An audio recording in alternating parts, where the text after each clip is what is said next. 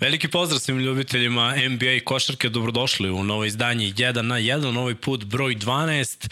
Bilo je male pauze od četvrtka kada smo radili posljednji put, uh, jednostavno neke serije su već bile tu pred poslednju utakmicu i znalo se da će sedma utakmica između Bostona i File biti odigrana u nedelju, tako da smo sačekali da sve prođe i večeras ćemo pričati o svemu što je odigrano, znači da odjavimo ove ekipe kao što ste već navikli, svaki put pred playoff, pred uh, play-in, šta god da smo radili, ekipe poražene, o njima pričamo da ih odjavimo za ovu sezonu i onda najavljujemo predstojeće mečeve. Stigli smo do finala konferencije, finale zapada uh, će biti između Lakersa i Denver Nuggetsa, navijamo za Denver, navijamo za Jokaru, a na istoku Boston i Miami ponovo kao i prošle godine. Ja sam tu raspoložen, tu je Vanja, Vanja si mi dobar. Vrh, odlično se osjećam. Nakon sinoćeg meča, znaš koliko sam to, jedva čekam da uletimo u filu i šta se tu desilo i zašto se raspali tako i veliki pozdrav naravno i za naše sponzore.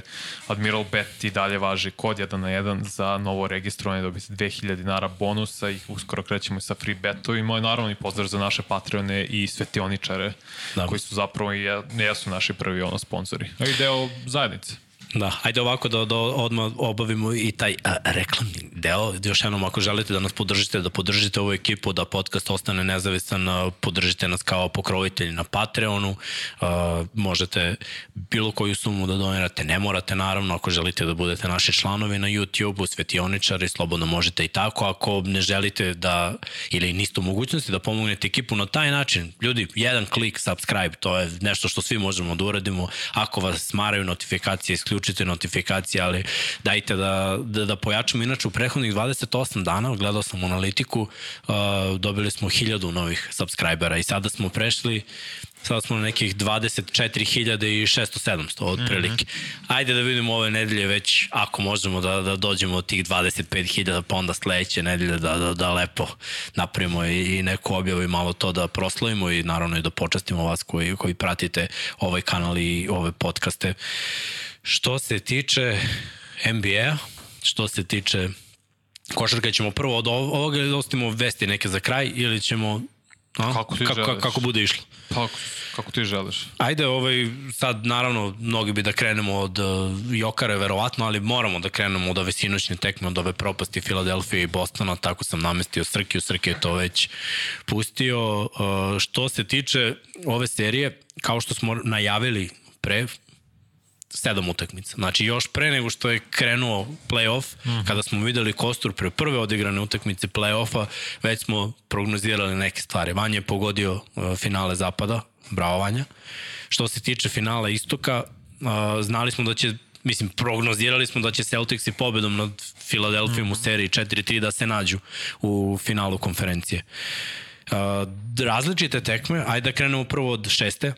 U šestoj koji je meni bio utisak, dopisivali smo se ti i ja, Tatum sa 1 od 14 u jednom trenutku, bacio je cigle, tri četvrtine i onda je proradio u četvrtoj gde je 16 pojena beše dao. Tako je, manje, 14. 14 ili 16, da. da. Može jeste 16, dao 14. Ne mogu, ne mogu da se sedi jer ono, nije, nije ni bilo važno toliko u toj tekmi, mnogo, mnogo šuteva, mnogo promošaja, mali doprinos, generalno igrača, neka, neka taktika Bostona, ono što si ti stalno priča, taj spacing, nešto slabije odbrana, mnogo šuteva i nije išlo, nije, nije bilo baš savršeno. I u tom trenutku meni je nekako delovalo, ok, Boston će verovatno odigrati, ako ovoliko nije išlo, Tatumu, koji je stilo malo tu utakmicu, treba to reći, verovatno će kod kuće u toj poslednjoj da preuzme odgovornost, da šutira mnogo puta, moraju da se potrude da igraju timsku odbranu, to je ono što krasi Boston. Za, zašto smo ih ti ja stavili? Mislim, ja, ja ću reći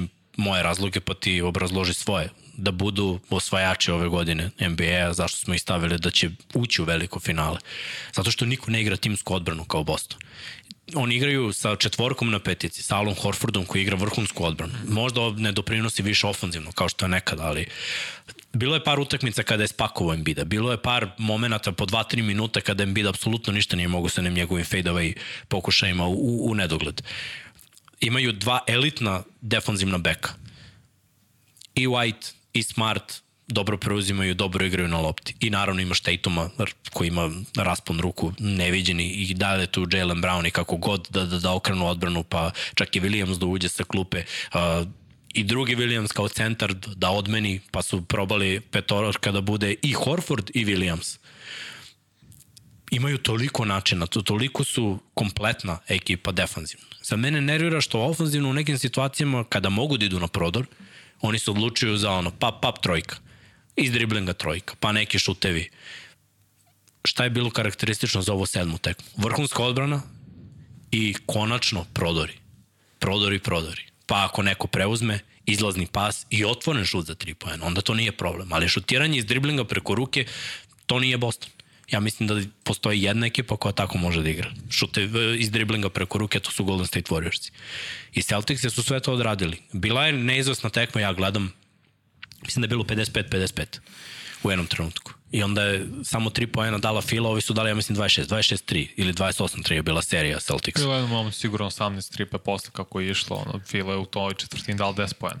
Prate, nisu dali koš 6,5 minuta. Tako je. 6,5 minuta nisu dali koš i onda je Maxi bacio floater koji je ušao posle 6,5 minuta. Sramota. Pričat ćemo ovaj, o svemu i svačemu, dotaći ćemo se taktike mm -hmm. i mhm. svega, ti si dosta kritikovao Doka Riversa. Uh, Ne, ne, ne znam šta da mislim o, o Filadelfiji, ali znaš, nismo ih ni projektovali u finalu. Nekako nam je bilo normalno da će se desiti taj choke moment, kao da su Harden i Embiid predviđeni za takve neke za stvari. Uh, Harden je bar istizao sa svojom ekipom do finala konferencije, Embiid nije. Iskreno, sa ovakvim stilom igre sumnju mi da hoće, ok, bila je tu neka povreda, nisu igrali timski. Ovaj, ajde ovako da krenemo bilo je 5-6 akcija kad oni ne znaju šta će s loptom. Dovedu sebe da bude 4 ili 5 sekundi do kraja napada. Embiid izlazi van trojke, dobija loptu i onda on rešava nekim Fede nekom promenom, ne, da, ali pazi za 3 poena. Nije doba, bilo su dva airbola u tim da. situacijama, jednom je, jednom je odlomio tablu da li je moguće da, da, da ne shvataju da lopta putuje brže od igrača, da mogu da naprave neki višak, da odigraju neki blok, da se neko otvori, da, da li su svi statični dva igrača ćoškare, I, i ostali se mole da će neko nešto da šutne. Znači, znači da, da li je do, pa dobro, to je Doc Rivers. Naravno. Ne, ne, nije. To je sistem, sistem Mike D'Antonija. To je njegov sistem. Doc Rivers i ključno njegov, ništa nije menjao. Da, ali njegov sistem, mislim, D'Antoni je davao loptu Hardenu. A Harden u ovoj situaciji nije imao loptu u rukama. I imam da li je hteo, da, imao je, ono. da, da, ali oslobađao se lopte. Dok je u Houstonu želeo loptu i završavao i išao on i na šut za tri iz te beka. Tako, da bio mlađi. Išao, išao i na prodor, ovde yes. se oslobađao lopte, nije, mislim, bio je spakovan nekoliko puta defanzivno, dobra preuzimanja, dobra udvajanja i, i terali su ga da, da se oslobađa lopte. Ne znam, iskreno, Philadelphia igra jako ružnu košarku za moj ukus. Uh mhm. -huh. Sad, naravno, ukusima ne treba raspravljati, ali mislim da je ovo sve bilo očekivano divim se 76ersima što su uzeli ove tri utakmice. Mislim da, da se Boston baš zeza i to im nije dobro protiv Miami. Prošle godine je bilo 4-3 i jedva su prošli Miami. Tako je nali šut. Ove, da, uh, Jimmy Butler nije James Harden. Pričat ćemo o, o, o tome kasnije, ali Boston prvi utisak moj za Boston. Mm -hmm. o, ovo je očekivano bilo ovako da, da se prošetaju, da dobiju iz 20 razlike, meni. A šta smo dobili? Jednu tekmu to, pa druga tekma izgube. Pa jednu tekmu jedvu dobiju, pa onda izgube i onda petu tekmu dobiju ovako. Protiv Atlanti ista priča. Jesu imali ovako ubedljive pobede, poveli 3-0 i onda su se zezali i opustili. Ne znam šta im je. Iskreno, stvarno ne znam šta im. I šu, pro, procenti šuta su promenljivi i ta timska odbrana za laganje i to je promenljivo, ali na kraju su ispunili zamisao, cilj i, i stigli do finala. Znaš kako, krenemo od Bostona, prvo ono prve tvoje zamisle, zašto sam ih ja birao u finalu, pre svega zato što su najdublji tim. Pre, yes. stavimo odbranu sa strane, njihovo više igrača i Brown i Tatum za sebe mogu da stvaraju poene, može to, to da radi i Brogdon na jednom vrlo visokom nivou, Marcus Smart je više igrač koji čeka šuteva, ali igra vrhunsku odbranu kao i uh, Derek White, on razliku u šestom meču što je Mazula i to treba njega pohvaliti, uradio je promenio rotaciju startovo je sa Williamsom i Horford, što nije radio čitave godine, on htio da igra small ball, da se više igra ofanzivno, a ovo je pos, uh, petorka startna od prošle godine i od ime Udoke. Da obojice igraju starteri i to je očigledno mučilo Embida koji jeste povrđen, sve to stoji, više ćemo njemu kasnije kad budemo prolazili sedmi meč, ali Tatum je bio grozan u tom meču i ne ide šut, i ne ide. A mi je drago što nije odustao, nego je tražio svoj šut. Nije bio, ok, umašao sam 10 prvih, neću više da šutiram. Ne, nastavi. Krenuće kad tad, zato što je on, mislim, prvo, prva petorka All NBA. Jo. Šta sam ti napisao kad imao jedan od 14 šut. Da stavimo thumbnail i da bude kako Tatum baca cigle. To je bila ideja. Je. Ali Burazer me je sasekao s ovih 51. I to kakvim šutevima za 3 poena, ali sa samopouzdanjem je to uzimao te šuteve. Preko Embiida su bila dva šuta, oni prvi šut. Znači to se vidi kad neko šutne samopouzdanjem, ostavi ruku do kraja, njegov govor tela je potpuno drugačiji i vidi se posle, ok, cilja Maxija. Zašto? Zato što je manji od mene, ne čuva me on, juri ga po pick and rollu, kad dobijem mismatch koji ja hoću to ću iskoristiti opet step, step back trojka. Isto i Juri Embida. I u ovom i u, u utakmici broj 6. Ono što je za Filu neverovatno jeste da ti vidiš da se Tatum muči taj meč. Ne ide ga. Boston je tu, Boston vodi, ti napokon ih uspeš da ih prelomiš u, čet, u četvrtoj četvrtini na početku i krajem treće i ne možeš da završiš posao. Kako je moguće, ovo je na Doc Riversu i na Hardinu i na Embiidu podjednako posle ćemo vidjeti zašto je više na Embiid, ali to je nevažno sad. Kako je moguće da Embiid šutne jednom, zapravo dva puta, pardon, u poslednjih šest minuta u šestoj meču, a od 3.56, što su svi pričali, nije dotakao loptu. Kako je to moguće da je neko ko je tako dobar, realno je top 5 igrač u ligi, bio je MVP, to je regularni deo sezone, neću više da ulazim u to zašto jeste, nije, kako je moguće da ti prvo ne tražiš loptu na visokom postu, postu ne možeš ni na niskom, kako je moguće da Harden koji je playmaker, to je Vince Carter pričao kako kad je otišao u Nece, kako njemu život bio lakše jer igrao sa jednim Jason Kiddom, koji zna da kad treba da pronađe svog najboljeg igrača i da mu olakša posle da ovaj ne mora ne traži loptu. Kako Harden to nije video? Kao moj najbolji igrač centra je najbolji igrač lige MVP kako god. E, ima tu jedan problem, znaš. To je što, što Embiid nema taj mentalitet kao da nije svestan svoje veličine. Znaš šta, za, zašto ja smatram da je Jokar MVP regularnog dela? Uh, da, ne, da zaboravimo na stranu triple-double, skoro u proseku, to je zašto Jokara zna u kom trenutku treba da iskoristi mismatch protiv manjeg, sitnijeg defanzivca, da mu uvali rame, da se spusti, da igra s niskog posta i napravi spacing ako bude udvojen, da izbaci pas. Embiid u tim situacijama loše prepoznaje. Znači, on će pre da se izvuče i da proba šut sa polu distance. Ili će da da jednom ramu i ako nije prošao na keca, onda će da uradi taj svoj fade away. I tu ga je Horford čekao sve vreme. Čeka ga, čeka ga i tek kada krene da pada, Horford se odrazi. Nije skakao na pamet, pa razumeš, on mu je lepio dve, tri blokade po tekmi. Da, to smo videli sinoć. Horford inače ima, samo Anthony Davis ima više kombinovanih uh, ukradnih lopti blokadi u ovom playoffu Bolesno. Znaš šta, meni je... to je, meni na Rivers, to je na Doc Riversu, pa, nije. smisli akciju, ne možeš da vidiš ti to. Znam, Anja, ali znaš šta, da, da imaš one fizikalije, akciju. da imaš one fizikalije, mislim, probavi da, da igraš malo na mišići. Ogroman je čovjek. Embiid je ogroman čovjek. Da li je moguće da, da Burazer nema želju da izdominira nekog fizički, da ga unese u koš? Ne, On bi trebalo da igra kao šek, brate. Treba, on je najveći igrač u ligi trenutno. Mislim, ja ne znam sad, razmišljao sam jutros i danas, tokom dana, da li postoji čovjek koji je veći i u što se tiče veličine, visine, kilaže od Embiida u NBA trenutno. Mislim da nema, iskreno. Ali kažete, zato je tu je, krivica što se tiče šestog meča jednaka na, sve, na svoj trojici. Ovaj kao playmaker, ovaj kao najbolji igrač ne trži loptu, a kao najbolji igrač, znači ne znam, to je i Shaquille O'Neal pričao, kao super je sve ti što radiš, šutiraš, na, na, meni lopta ide sad tu i tu kraj priče. I opet je na, na reversu. On je posle na pres konferenciji rekao, pa da, nismo dovoljno dali loptu našem najboljim igraču. Pa dobro, ali zašto nisi jednu akciju, tražiš taj malo, kažeš, sada izvedemo loptu, ovaj koji izvodio kogod da je Harris Max, ti se skloni s, to, s, te, s te strane, MB dole čeka na niskom posku i ispuštamo loptu. Šta je tu bio problem? Jedna akcija se pozove. Mislim, to je i na treneru. To je stvarno i na treneru, i na najboljem igraču, i na Hardenu. A sinoć, šta se desilo, Fila super otvorila prva četvrtina, mislim, PJ Tucker je dao 11 pojena i iskreno nisam to u životu očekivao. Imao je tri trojke, lepo je išlo, stvarno Filo u jednom momentu vodila čak i devet u drugoj, ja. a sve se preokrenulo onim izgubljenom loptom i flagrant foulom Hardena njegovim bacakanjem ruku, sve je napokon njega Like koštalo. flopere. Tako je. I, I od tog momenta Boston prvo sustiže razliku sa 8 je palo na 2, pa se tu lomili, onda Boston povede 3 na kraju polovremena i tu sam pisao najbolji drugu pozdrav za Mimija. Inače, mora, uh, Boston mora slomi Filu u trećoj. Ići. Pa su. Otišlo. Pa krenuli su već da ih lome, mislim, polovreme je već bilo, druga polovina druge četvrtine je već bila prelomna tačka za Boston, jer su anulirali tu prednost. 29-20 je bilo.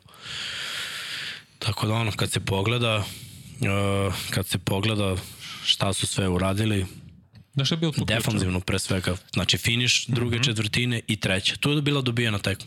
Ja sam krenuo da pišem za thumbnail u trećoj četvrtini. Znači, Četvrtu nisam ni morao da gledam, znao sam da Fila nema petlje. Nemaju, nisu ti igrači. Znači već je bila razlika takva da oni to ne mogu da stignu. Da je bilo 15, u momentu kad je bilo 15 razlike, ja sam bio u fazonu, sad odmah ako se ne vrate na jednocifrenu sa, sa 15 tipa na, na 8-9. To je to, oni nemaju u sebi to. Jednostavno nemaju taj pobednički mentalitet. Znaš ko je bio igrač koji najviše ono se nervirao i najviše grizao sinoć? Maxi. PJ Tucker Da, ovaj PJ Tucker. i Maxi. A de, de, de su najbolji igrači? brate? Pa je ono smušena lica, brati, jednog i drugog dok sede na klupi kako im se ruši sve od burazeru, izađe i promeni nešto. Mislim, tolike milione zarađujete, toliko ste podignuti Evo, na nemaju i na kraju ništa. To je i Philadelphia kao Sixersi, kao franšiza, oni nemaju to u sebi. Ti znaš kad je, kad je počeo da proces? To je počeo pre 10 godina. Tačno. I od tada je bilo okej gubiti, kao gubimo zato što ćemo u budućnosti pobeđivati. I ne može taj mentalitet nikada uspe. To ne može nikada uspe. Da to toliko godina traje, gubimo i gubimo. Da. Pre svega oni su birali Fulca umesto Tatuma. Oni su birali, oni su imali sreću što je Embiid pao na treće mesto, bio je prvi Andrew Wiggins 2014. zašto je Embiid imao problem, probleme s leđima. Oni su birali Ben Simonsa, takođe na uh, NBA draftu kao prvog pika. To su njihovi odabiri bili. A mogli su, oni su posle birali Simonsa i Harrisa umesto Jimmy Butlera. I posle, i videli smo prošle godine kako je Butler na nekom, posle nekog meča rekao birate Tobias Harrisa umesto J mene. No. Što on im je to za- zamerio i s razlogom. Ali sinoć je Tatum za Boston bio napokon agresivan što se tiče ulaza i, na, i fizikalno Jeste, da. išao do kraja. To mi se vidio, to mi Ne krenuo mu šut, a išao je na ulaze. Ne može da ga zaustavi, on ima 2-0-3 jake. On je ogroman čovjek. I to je neko je pričao, ti znaš zapravo ko je Kishon uh, Johnson, onih wide Da, da. receiver. Kaže, ja kad sam vidio koliki su LeBron, James i Anthony Davis su uživo kao su ogromni ljudi. A TV-u Johnson je bio jedan od većih, krupnijih hvatača u u svoje Znači, vreme u oni- Ja NFL. njih gledam ovako, kao, oni su, kao, i to je istina, TV, ti ne možeš na TV vidiš koliko su oni Pa ogromni. zato što su svi visoki. Da. Tek kad uđe neko ko je malo niži, ti, ti, ja tek kad vidim, na primjer, u Majamiju Laurija, u, u, u odnosu na ove druge, skapiram, mislim, jer je on moje visine. Mm. Koliko, koliko bi bio mali tamo, razumeš. I onda se divim takvim igračima što oni ipak uspevaju da iznesu ne, ne, neke stvari na, na ovu foru, na onu foru, ali to je sad stvarno liga divova. Mislim, svi su ogromni i ne, neviđeno su pokretljivi. Mm. Gledajte i Tatum, ono što je bila kao što je bio review za onu blokadu koju je on udario uh, Meksiju mm -hmm. po razredu, dakle on skinuo ono, s pola table. Be, bez problema. Znači, kako je tempirao i sve. Pritom nje- njegovi prodori i sve. Pa i Brown kad je promašio ono zakucavanje, Brown koji je još niži od Tatuma, mislim, Malo, da. gde je on bio u tom trenutku. Znači, dvojica vrhunskih atleta, ali tim. Boston ima tim, Fila nema tim. Ja, ja bih tu podvukao i, i to je bio razlog. Uh, meni se Fila ne sviđa kako igra ove utakmice koje su dobijali protiv Brooklyna, kad gledam Filu, to je ili pik ili izolacija za izolacijom. Znači, vrlo prosto, eventualno nakon prodora neki izlazni pas da imaju par čoškara u ekipi, Niang, PJ Tucker, desi se, da, da oni pogađaju trojke, ne znam, ovaj, Boston je mogao da reši ovo, ti ja smo pričali još onda kad je Brown, ne znam zašto ostavio Hardena. A u četiri su mogli da reše. Mislim, Toliko je bilo prilike, znaš, Tako izgubili su prvu tekmu na glupost, mislim, prodali loptu Brogdonu, ja ne znam šta je ono dodavao. Fil- Fila je ukrala par pobjeda i dovela sebe u situaciju da mogu da, da pobede, ali nemaju taj pobednički mentalitet i to je to. Tako da bi tu da ovaj, presečemo, ajde par pitanja vezano za, ajde, pa za, za se na... Aha, aha. Imamo, imamo i onu grafiku Da, koju si da, spremio. okej. Nego, evo, dok, Ne, nisam to mislio sam za Boston još, mislim. To... pa u Bostonu ćemo pričati, misliš, za seriju Za ovu? sedmu utakmicu, samo sinoć, ono, Da. opet prelom Ajde. na Tatum i Brown u prvom polovremenu 38 poena. Da, da. I ti vidiš kako napada i stalno. Tatum imao 25, 25. na polovremenu. A Brown ima 13. Ali ne može da zaustaviš toki čovjek sa to dobrom tehnikom, koji ume da napada, koji kad uđe svoj ritam, on je stvarno nekad topo hladno igra. Nekad, kao što smo vidio u šestom meču, mu da je toliko leden da maši skoro sve, ali kad ga krene, ti ne možeš to zau- zaustaviš. Zato što prvo nemaš igrača koji je dovoljno visok i pokretljiv za njega, pa onda opet ako jeste, ne da li je dovoljno jak, to je znak pitanja.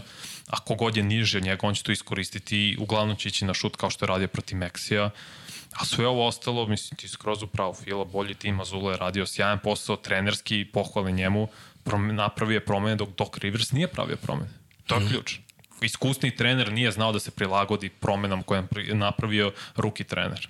To je da. veliki problem. Dobro i, znaš šta, ruki trener sa par preiskusnih, prekaljenih igrača. Znači ja kad se setim ovaj, prvo Horford je godinama tu i Horford je meni najzreliji bio defanzivno. Znači njegov, on je spakovao MVP-a. Uh -huh. uh, Smart i White doktorski odradili posao na, na bekovima s loptom.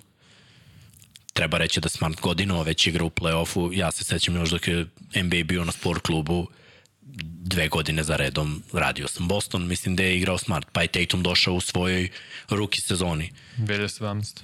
Znači, već u ruki sezoni si ti mogao da vidiš da, da će Dečkić da, da izrasta u jednog velikog igrača, tad je mu u tom play-offu za kucavanje preko Lebrona u, u jednoj utakmici, pa onda kad pogledamo ove, Jalen Brown takođe, oni su svake godine u play-off Oni imaju to neko iskustvo i doveli su par igrača, Brogdon je bio deo šampionske ekipe Mil, uh, Milwaukee Bucksa, nije osvojio s njima, ali je igrao tada kao starter bio ruki godine. Mm. Od rukija godine do šestog igrača godine, on je sposoban da bude starter u bilo kojoj drugoj ekipi. On je samo u Bostonu šesti igrač. Prvi put u svojoj karijeri kreće s klupe igra vrhunski na, na oba kraja terena. On je jedan kompletan igrač, ima šut za tri, ima prodor. Koliko prodora je rešeno u ovoj utakmici? Zato što je tačno izvalio, ok, ovo je mismeč, ovo je moj mismeč, moj trenutak. Ima šut za tri poena. Jednostavno, timski su sve odradili kako da. Ja, ja bih rekao da je odbrana ključ svega, jer svesti Filu, Fila je u jednom trenutku pre garbage time-a, garbage time je krenuo već na polovini, četvrte četvrtine, Fila je imala fazon 80 nešto poena. Mike oni su posle 3 četvrtine imali 62 pojena. Da, da. da Rešili su ih. Bukvalno je bilo čao zdravo. Puc, puc, A, Srki, daj ovo što je Vanja smislio da vidimo jedan grafikon krivice. Krivice, procenat. ne mogu da zovem paj kao što vam pita, mi ne pravimo baš tu, tu vrstu pite, ali... Kod nas je ovo pizza. Da, može, pizza krivi.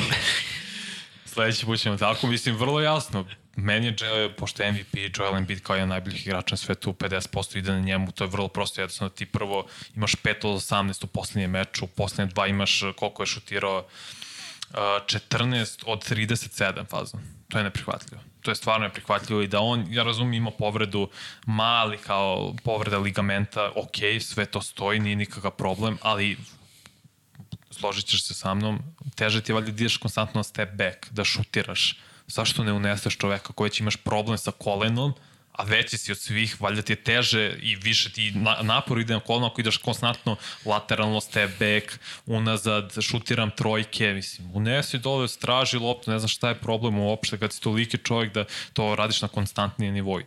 I to je tvoj problem. I ova izjava što je imao nakon meča, Pa ja i James nismo imali deset, dovoljno pomoći. 10, 10 komentara imamo vezano za tu izjavu. Strašno. Mi, mislim, mislim, pitaju ljudi da mi prokomentarišemo pazi, nešto. a izjavu celodu, ok, on je rekao svi trebamo budemo bolji, sve to ok. Nije on rekao odmah samo ovo i to je to. Rekao je da svi on treba, počne, od sve da treba bude bolji, što sve ok.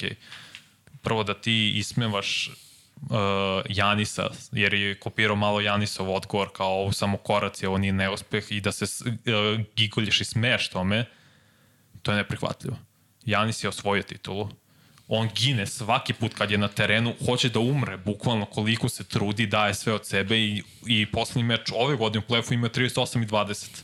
Ostaje sve na terenu. Šta si ti imao? 15 i 8. To prvo. Drugo, ovo što je rekao, ja i James ne možemo sami, pa sinoć Max i Harris imali više poena. I PJ Tucker od, uh, od ovog, uh, kako se zove, od James Hardena. Harden imao 9 pojena sinoć. Ti si imao 15, ovo dvojicu imali više od tebe. Imaš pomoć, nije to problem. Razumim da si rekao, ne osjećam se najbolje povreda kolena, ok, to, to ti je već tu od, od uh, serije protiv Neca. A kako si igrao čitav playoff, pošto si šutno samo jednom preko 48% iz igre u ovom playoffu, to je neprihvatljivo. I da tebi bude ha ha hi hi posle na pres konferenciji, posle kad se pozdravljaš sa igračima Celtica i smeješ, to mene užasno frustrira i nervira. To je pa da. vrlo ružno. Prema svojim saigračima pa i prema dobro, vidiš sebi. da su oni drugi likovi. Znaš. Uh, stil igre te malo odaje kako si kao čovek. Znaš. Uh -huh. uh, šta bi rekao po njihovom stilu igre? Da su sebični. I isto to mislim i nakon svih njihovih izjava i nakon svih njihovih intervjua James Harden i Joel Embiid su sebični. Moje mišljenje je da kao sebičan igrač ne možeš da, da osvojiš. Osim ako nemaš neki mentalitet ultimativnog pobednika. Što je tipa imao Kobe za koga ne možemo da kažemo da, da ono, mada on je ima inteligentne poteze, ali bio sebičan u nekim momentima, ali je tačno znao zašto mora da bude sebičan da bi kompenzovao nedostatke svojih saigrača. Mislim, nedostaci, to su sve profesionalci, vrhunski igrači, ali opet pričamo da nisu bili na njegovom nivou. On je znao da je par nivoa iznad svojih saigrača, mm -hmm. ali je znao da igra sa svojim saigračem, ima inteligentne poteze i taj klač moment. Ovi su sebični i nemaju mentalitet pobednika. To je to, ja, jako je teško i mislim ta izjava meni je sramna. Jasno. Iskreno, Meksi, Meksi je tri tekme odigrao bolje. Bolje od njih. Harden ima najbolji meč. Harden ima dva meča. Ne, ne, ali ima najbolji, ako gledamo jedan meč, jedan učinak u celoj seriji, Harden ima najbolji meč. Pa ko ima posle toga? Meksi. Ha, Harden meni četvrti meč imao 42 i dvo, pogodio dva šuta za izjednačenje, za produžetak posle za pobedu. Meksi, brate, leti po terenu, Meksi igra odbranu, brate, pravi razliku. Ne može da dođe do izražaja od dva davitelja. Razumeš? Mislim, pazi, Harden i, i Doc Rivers ima po 25% procenta zašto Harden četvrta četvrtina, peti, šesti, sedmi meč, nula poena. Samo da kažem, Simons imao pet poena kad je protiv Atlante, isto to. No. Harden imao nula. Peti, šesti, sedmi meč imao nula u četvrti, četvrni poen. A, pa zašto ga nema? 12 od 55 u mečima koji su gubili. A opet, ne, zašto krivim Hardena manje? Zato što je on donao pobedu u prvom meču.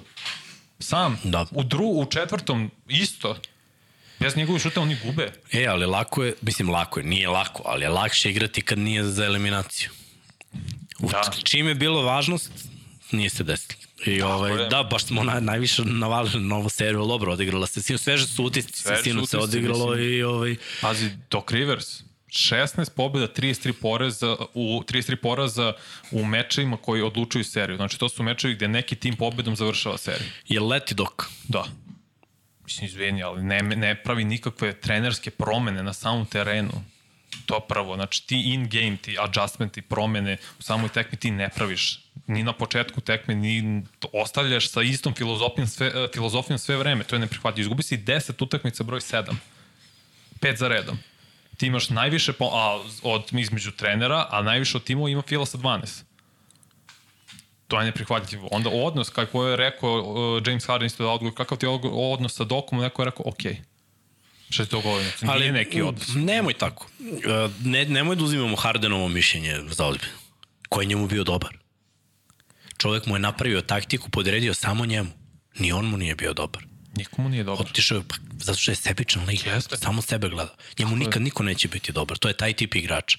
Uvijek će imati za kritiku filu. za sve druge, e, razumeš? Mm -hmm. Nikad neće priznati, prihvatiti kritiku, bilo koji vid kritike. Naravno. To je takav je lik, razumeš? Egocentrik naj, najveći. A našao se u istoj ekipi sa drugim. Ja ne znam kako se ono plus i plus privlače, a njih dvojica nikad neće ništa raditi zajedno. Da li, evo ti šta je problem za Philadelphia. Hardena jako ne potpišeš, on ima inače player option sada. Ti si jedva ispod kepa, bez njega. Ti ne možeš da menjaš svoj tim de facto. Ali opet Harden je beležio bio All-Star. Igra na All-Star nivoje, tako da kažem. Beležio 20 pojene, 11 asistencije, to ne možete tek tako u regularnom delu da nadomestiš. Kako god mi okreneš, šta god mi mislimo o James Hardenu u play-offu, obe stvari mogu biti tačne, ja ne znam kako ćeš ti da nadomestiš 21 i 11 u, gde su imali 54 pobjeda ove godine, što je, mislim, drugo najviše u njihovoj istoriji, njihov, njihove franšize. Kako to da nam domestiš? A opet, ako potpišeš Hardena, nemaš kepa, sem ako on ne uzme neki friendly deal, team friendly opet, pošto je i prošle godine uzao team friendly, svi su ga hvalili, što jeste da pohval bilo. Ali, šta može da, da pomogne? Na šta može da pomogne? Odabir trenera. Imaš pitanje ovde. Mm -hmm. Šta misliš ko bi bio kandidat? Znači, taj kandidat treba da napravi taktiku koja odgovara, znači da uzmemo i taj cap u, u obzir.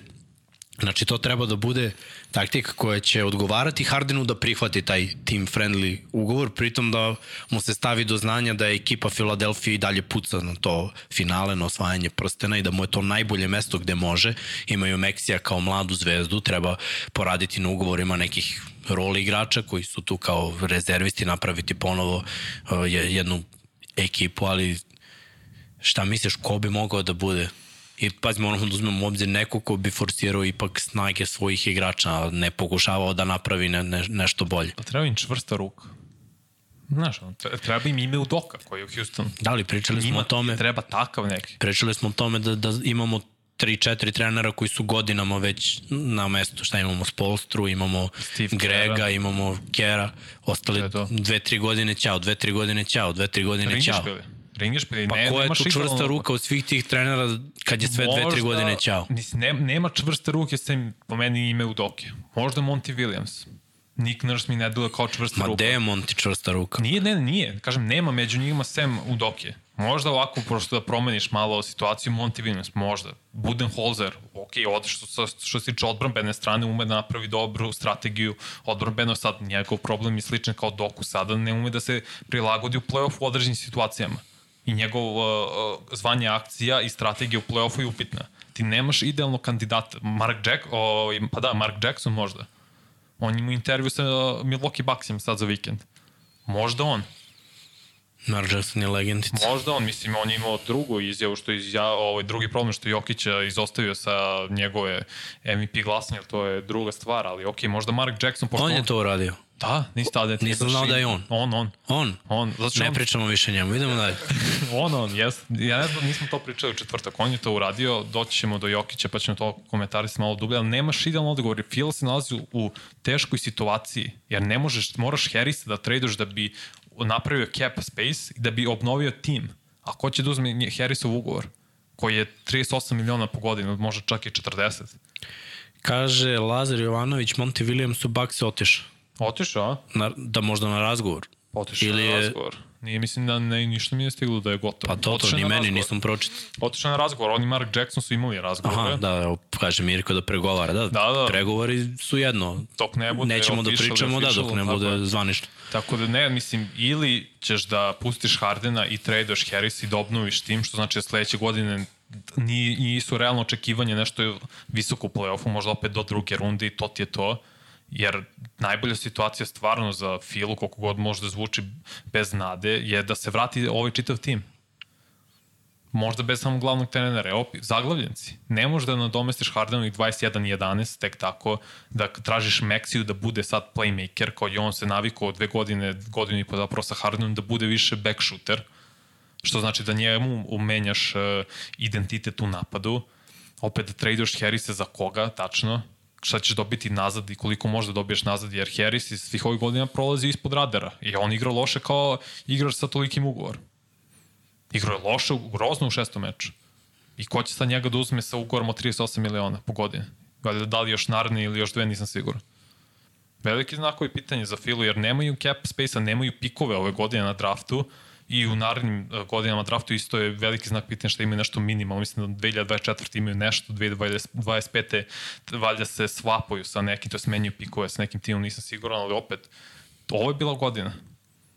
Mislim da sledeća, sem ako ne vrate ceo tim, opet ono, Da. ne, ne, ne, vidi, nema neka blista, blista budućnost za Filu. Ajde da kažemo od iskusnih trenera Nick Nurse i Budenholzer su tu i Monty Williams, pa ćemo vidjeti. Ima par ekipa bez trenera, pa će se ov, ova tri imena verovatno vrteti kao ti iskusni treneri, osim ako neko nema viziju da da šansu podvlači. nekom novom. No, mada ovo, ovo, ovo su timovi uh, Phoenix, uh, Fila i Milwaukee, to su timovi koji su ono spremni za osvajanje. Sumnjam da bi išli sa mladim trenerom, jer u NBA-u to baš i nije praksa. Drugo je Boston ješ? do, a, naterani su išli.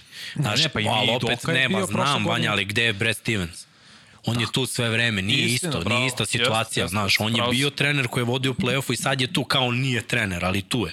Razumeš, ništa oni ne rade bez Ako on pravi operativni sistem i to je već dovoljno, nije ih stavio u situaciju ajde krenite od nule, nego im je dao nešto da rade. To ti je u stvari kao u NFL-u kad oni su kao glavni treneri, u stvari su ofanzivni koordinatori i defan, razumeš, rade već po, po nečemu što je napravio. E pa kad si kod NFL-a baš vlasnik 76ersa, Harris je postao vlasnik i Commandersa, mislim sada. Da, bahato. Bahato, vrlo, vrlo, vrlo bahato. I vrlo dve zanimljive franšize uzo, to jest je sad vlasnik njihove, jer obe fanovi i File i Ista divizija. Commandersa, da. ne razumem, ne razumem, ono, razapeće ga, ali dobro. Uh, Smo završili sa... jesmo, jesmo, možemo, Filom. možemo da idemo dalje. pitaju te gde si našao baš taj duks. Novi duks. Da. Pa šopu. Infinity Lighthouse, znaš kako Tako je. šop, vrlo jednostavno boje. Ovo šta je ovo, Srki Alpina, ali tako? Alpina, bez. Kažu, Vanja navija za Everton. Ne, navija za Arsenal i Greota, ali Brighton nas raskanto, sinoć izgubili smo šansu za Premier ligu, tako da, eto, toliko o tome. Mučeni, mučeni Arsenal. Dobro. Možemo da idemo dalje. Srki pustio si desetkovani Sanci, pali, Monti otpušten. Uh, teo sam nekako sažet opet kad ovako dajemo ove potpise, naslove, treba uvek razmišljati o tome da stane, da vizualno izgleda dobro, ali bilo je svega i svačega ovo čemu je moglo da se priča ovde. Fokus jeste bio na tome da su Sanci bili desetkovani, da su igrali bez dva startera, uh -huh. Ejton nije igrao uh, i kad je igrao Jokić se Da, poigravao s njim, a zamisli kad ga nema na terenu koja je to muka, nemaju jednostavno sa, sa Biombom šanse, što Biombo je rezerva ovaj, Lendel. Lendale je, je bio prvi sa njegovom energijom, ali znalo se ovaj znalo se da nema šanse.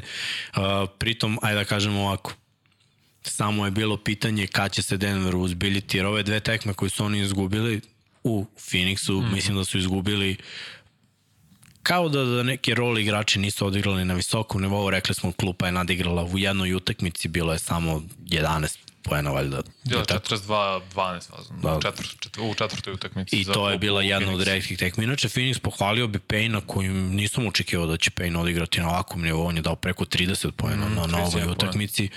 Uh, Durant i Booker su se ohladili. Te dve tekme su bile njihove i onda ove posljednje dve nisu bile na, na visokom nivou. Šta smo ti ja rekli? Da bi oni dobili Denver koji igra timski, koji ima vrhunskog igrača koji predvodi ekipu i koji je uvek konstantan. Jokić je najbolji igrač u ovom play-offu.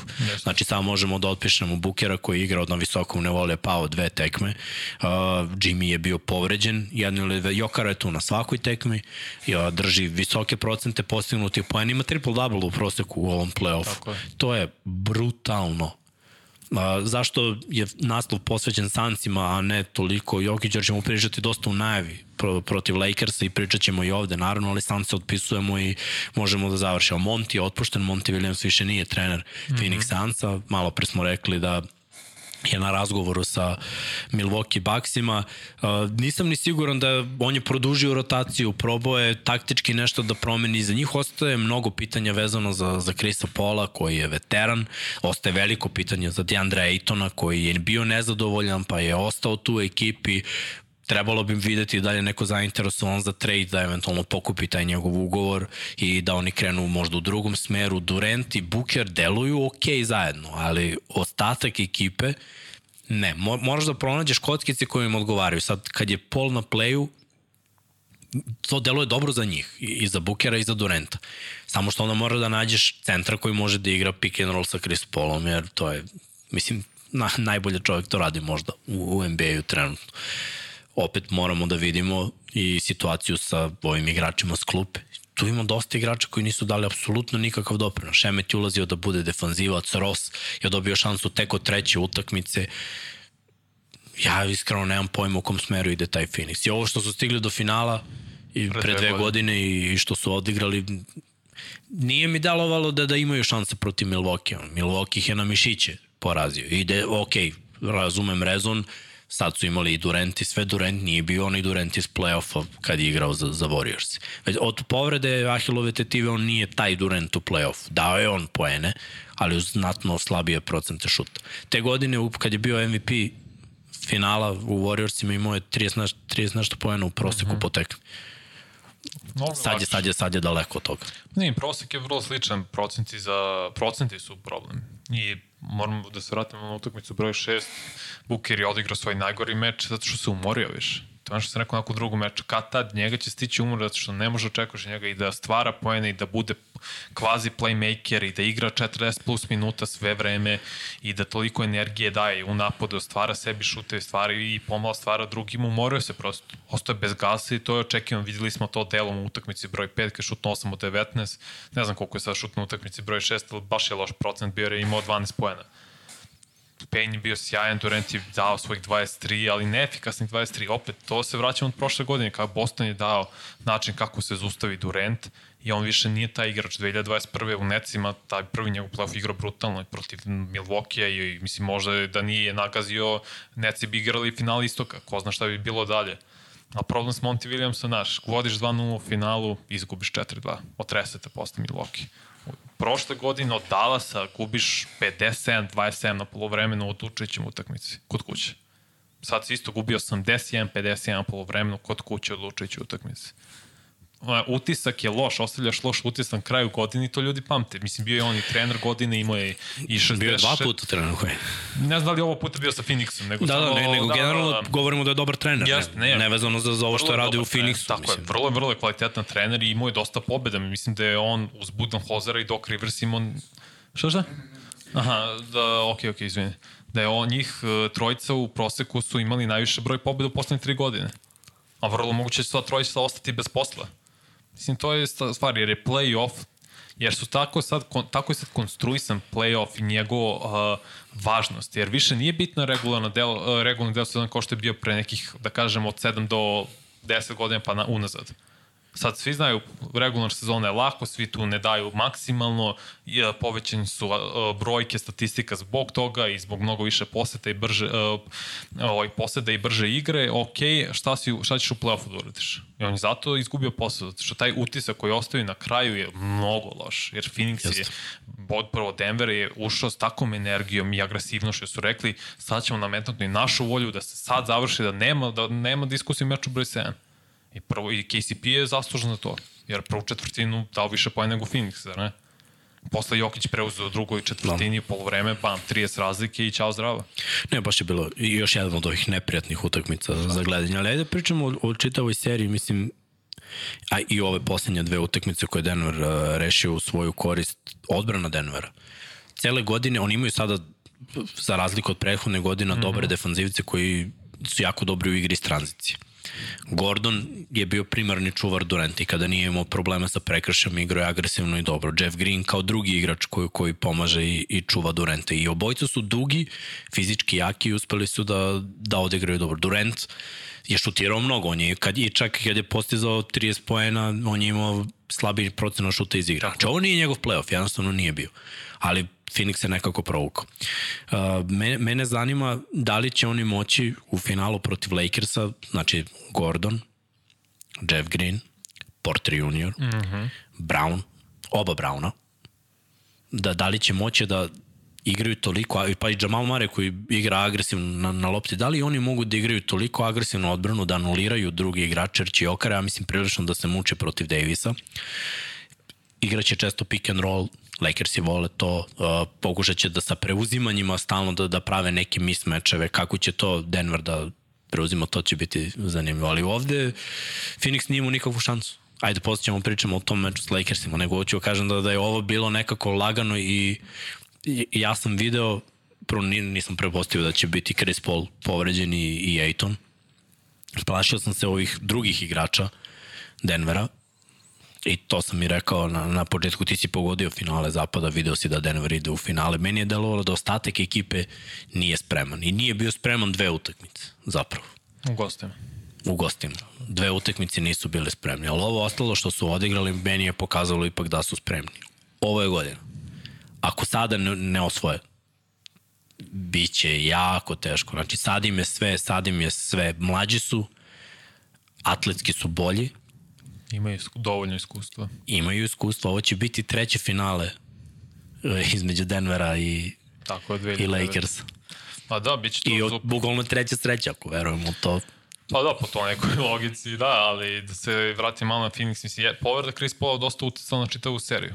Znaš, u tom momentu u drugom meču Phoenix jeste vodio dok kad se Chris Paul povredio, on je protiv Clippers imao te neke svoje ključne šute, u pogotovo u četvrti četvrtini gde je par mečeva sam rešio i dovoljno odaljio stance od Clippersa da ovi naprave neku razliku, jako je falio Chris Paul, ovaj, i Paul George i Kawhi Leonard. Ali Aiton i njegova prosto nedostatak želje i izduvanosti je problem za Phoenix. Da, on ima problem s Monty Williamsom, iako dosta ljudi u ligi priča da skoro niko nema problem s Monty Williamsom, da je super čovjek. Aiton je imao problem s njim sad, ali to znači da Aiton ostaje veliki znak pitanja šta će sada raditi, pošto novi, ovo su novi vlasnici. Da. Matt Išbija, mislim, on će sada, ja da sam on, rekao bi, čistimo kuću, ostaju Booker Durant, pošto Durant ima gore još tri godine, Booker nam je franšizni igrač, svi ostali, ćao zdravo, pravimo novi tim. Pa i trebalo bi tako. Jer Chris Paul, njegov ugovor je sad 15 miliona, valjda od 28. juna posle 30 miliona. Kada kad smo pričali o Embiidu i Hardenu, mislim ni Chris Paul nema sreće. Nema, uvek Najdalje do, fi, do finala konferencije, to je najdalje za njih. Igra finale sa protiv Milwaukee. Da, bravo. Da, to mu je jedino, da, u Phoenixu. Da, smetno sam sumo da je bio Da, ne može, da, da, ne, može da, ne može i ovaj mim isto, ne može da poveže to, znaš. da, da, da, jeste, jeste, da, pre dve godine. Ali Chris Paul stanu povredi u nekim bitnim momentima u njegovoj playoff karijeri. Mislim, naveli smo već x broj puta u prethodnih 11 epizoda, nećemo sad ponovo. Deandre Ayton isto mora da e, ide i on je hteo da je potpiše za Indijanu. Ja sad pričao sam kucko zapravo sa Mimi i rekao, ok, pošto i pričat ćemo Golden State Warriors i njih, njih čaka isto neka vrsta rebuilda, nešto da promene tim, zašto ne bi bilo ovako? Miles Turner trade on. Ovo je zapravo trade u tri ili četiri tima, ne mogu više seti, napravio sam više scenarija. Miles Turner bude tradovan u Golden State. Pool tradovan u, kako se zove, u Knicks. Robinson tradovan u uh, Phoenix. Izgubio sam.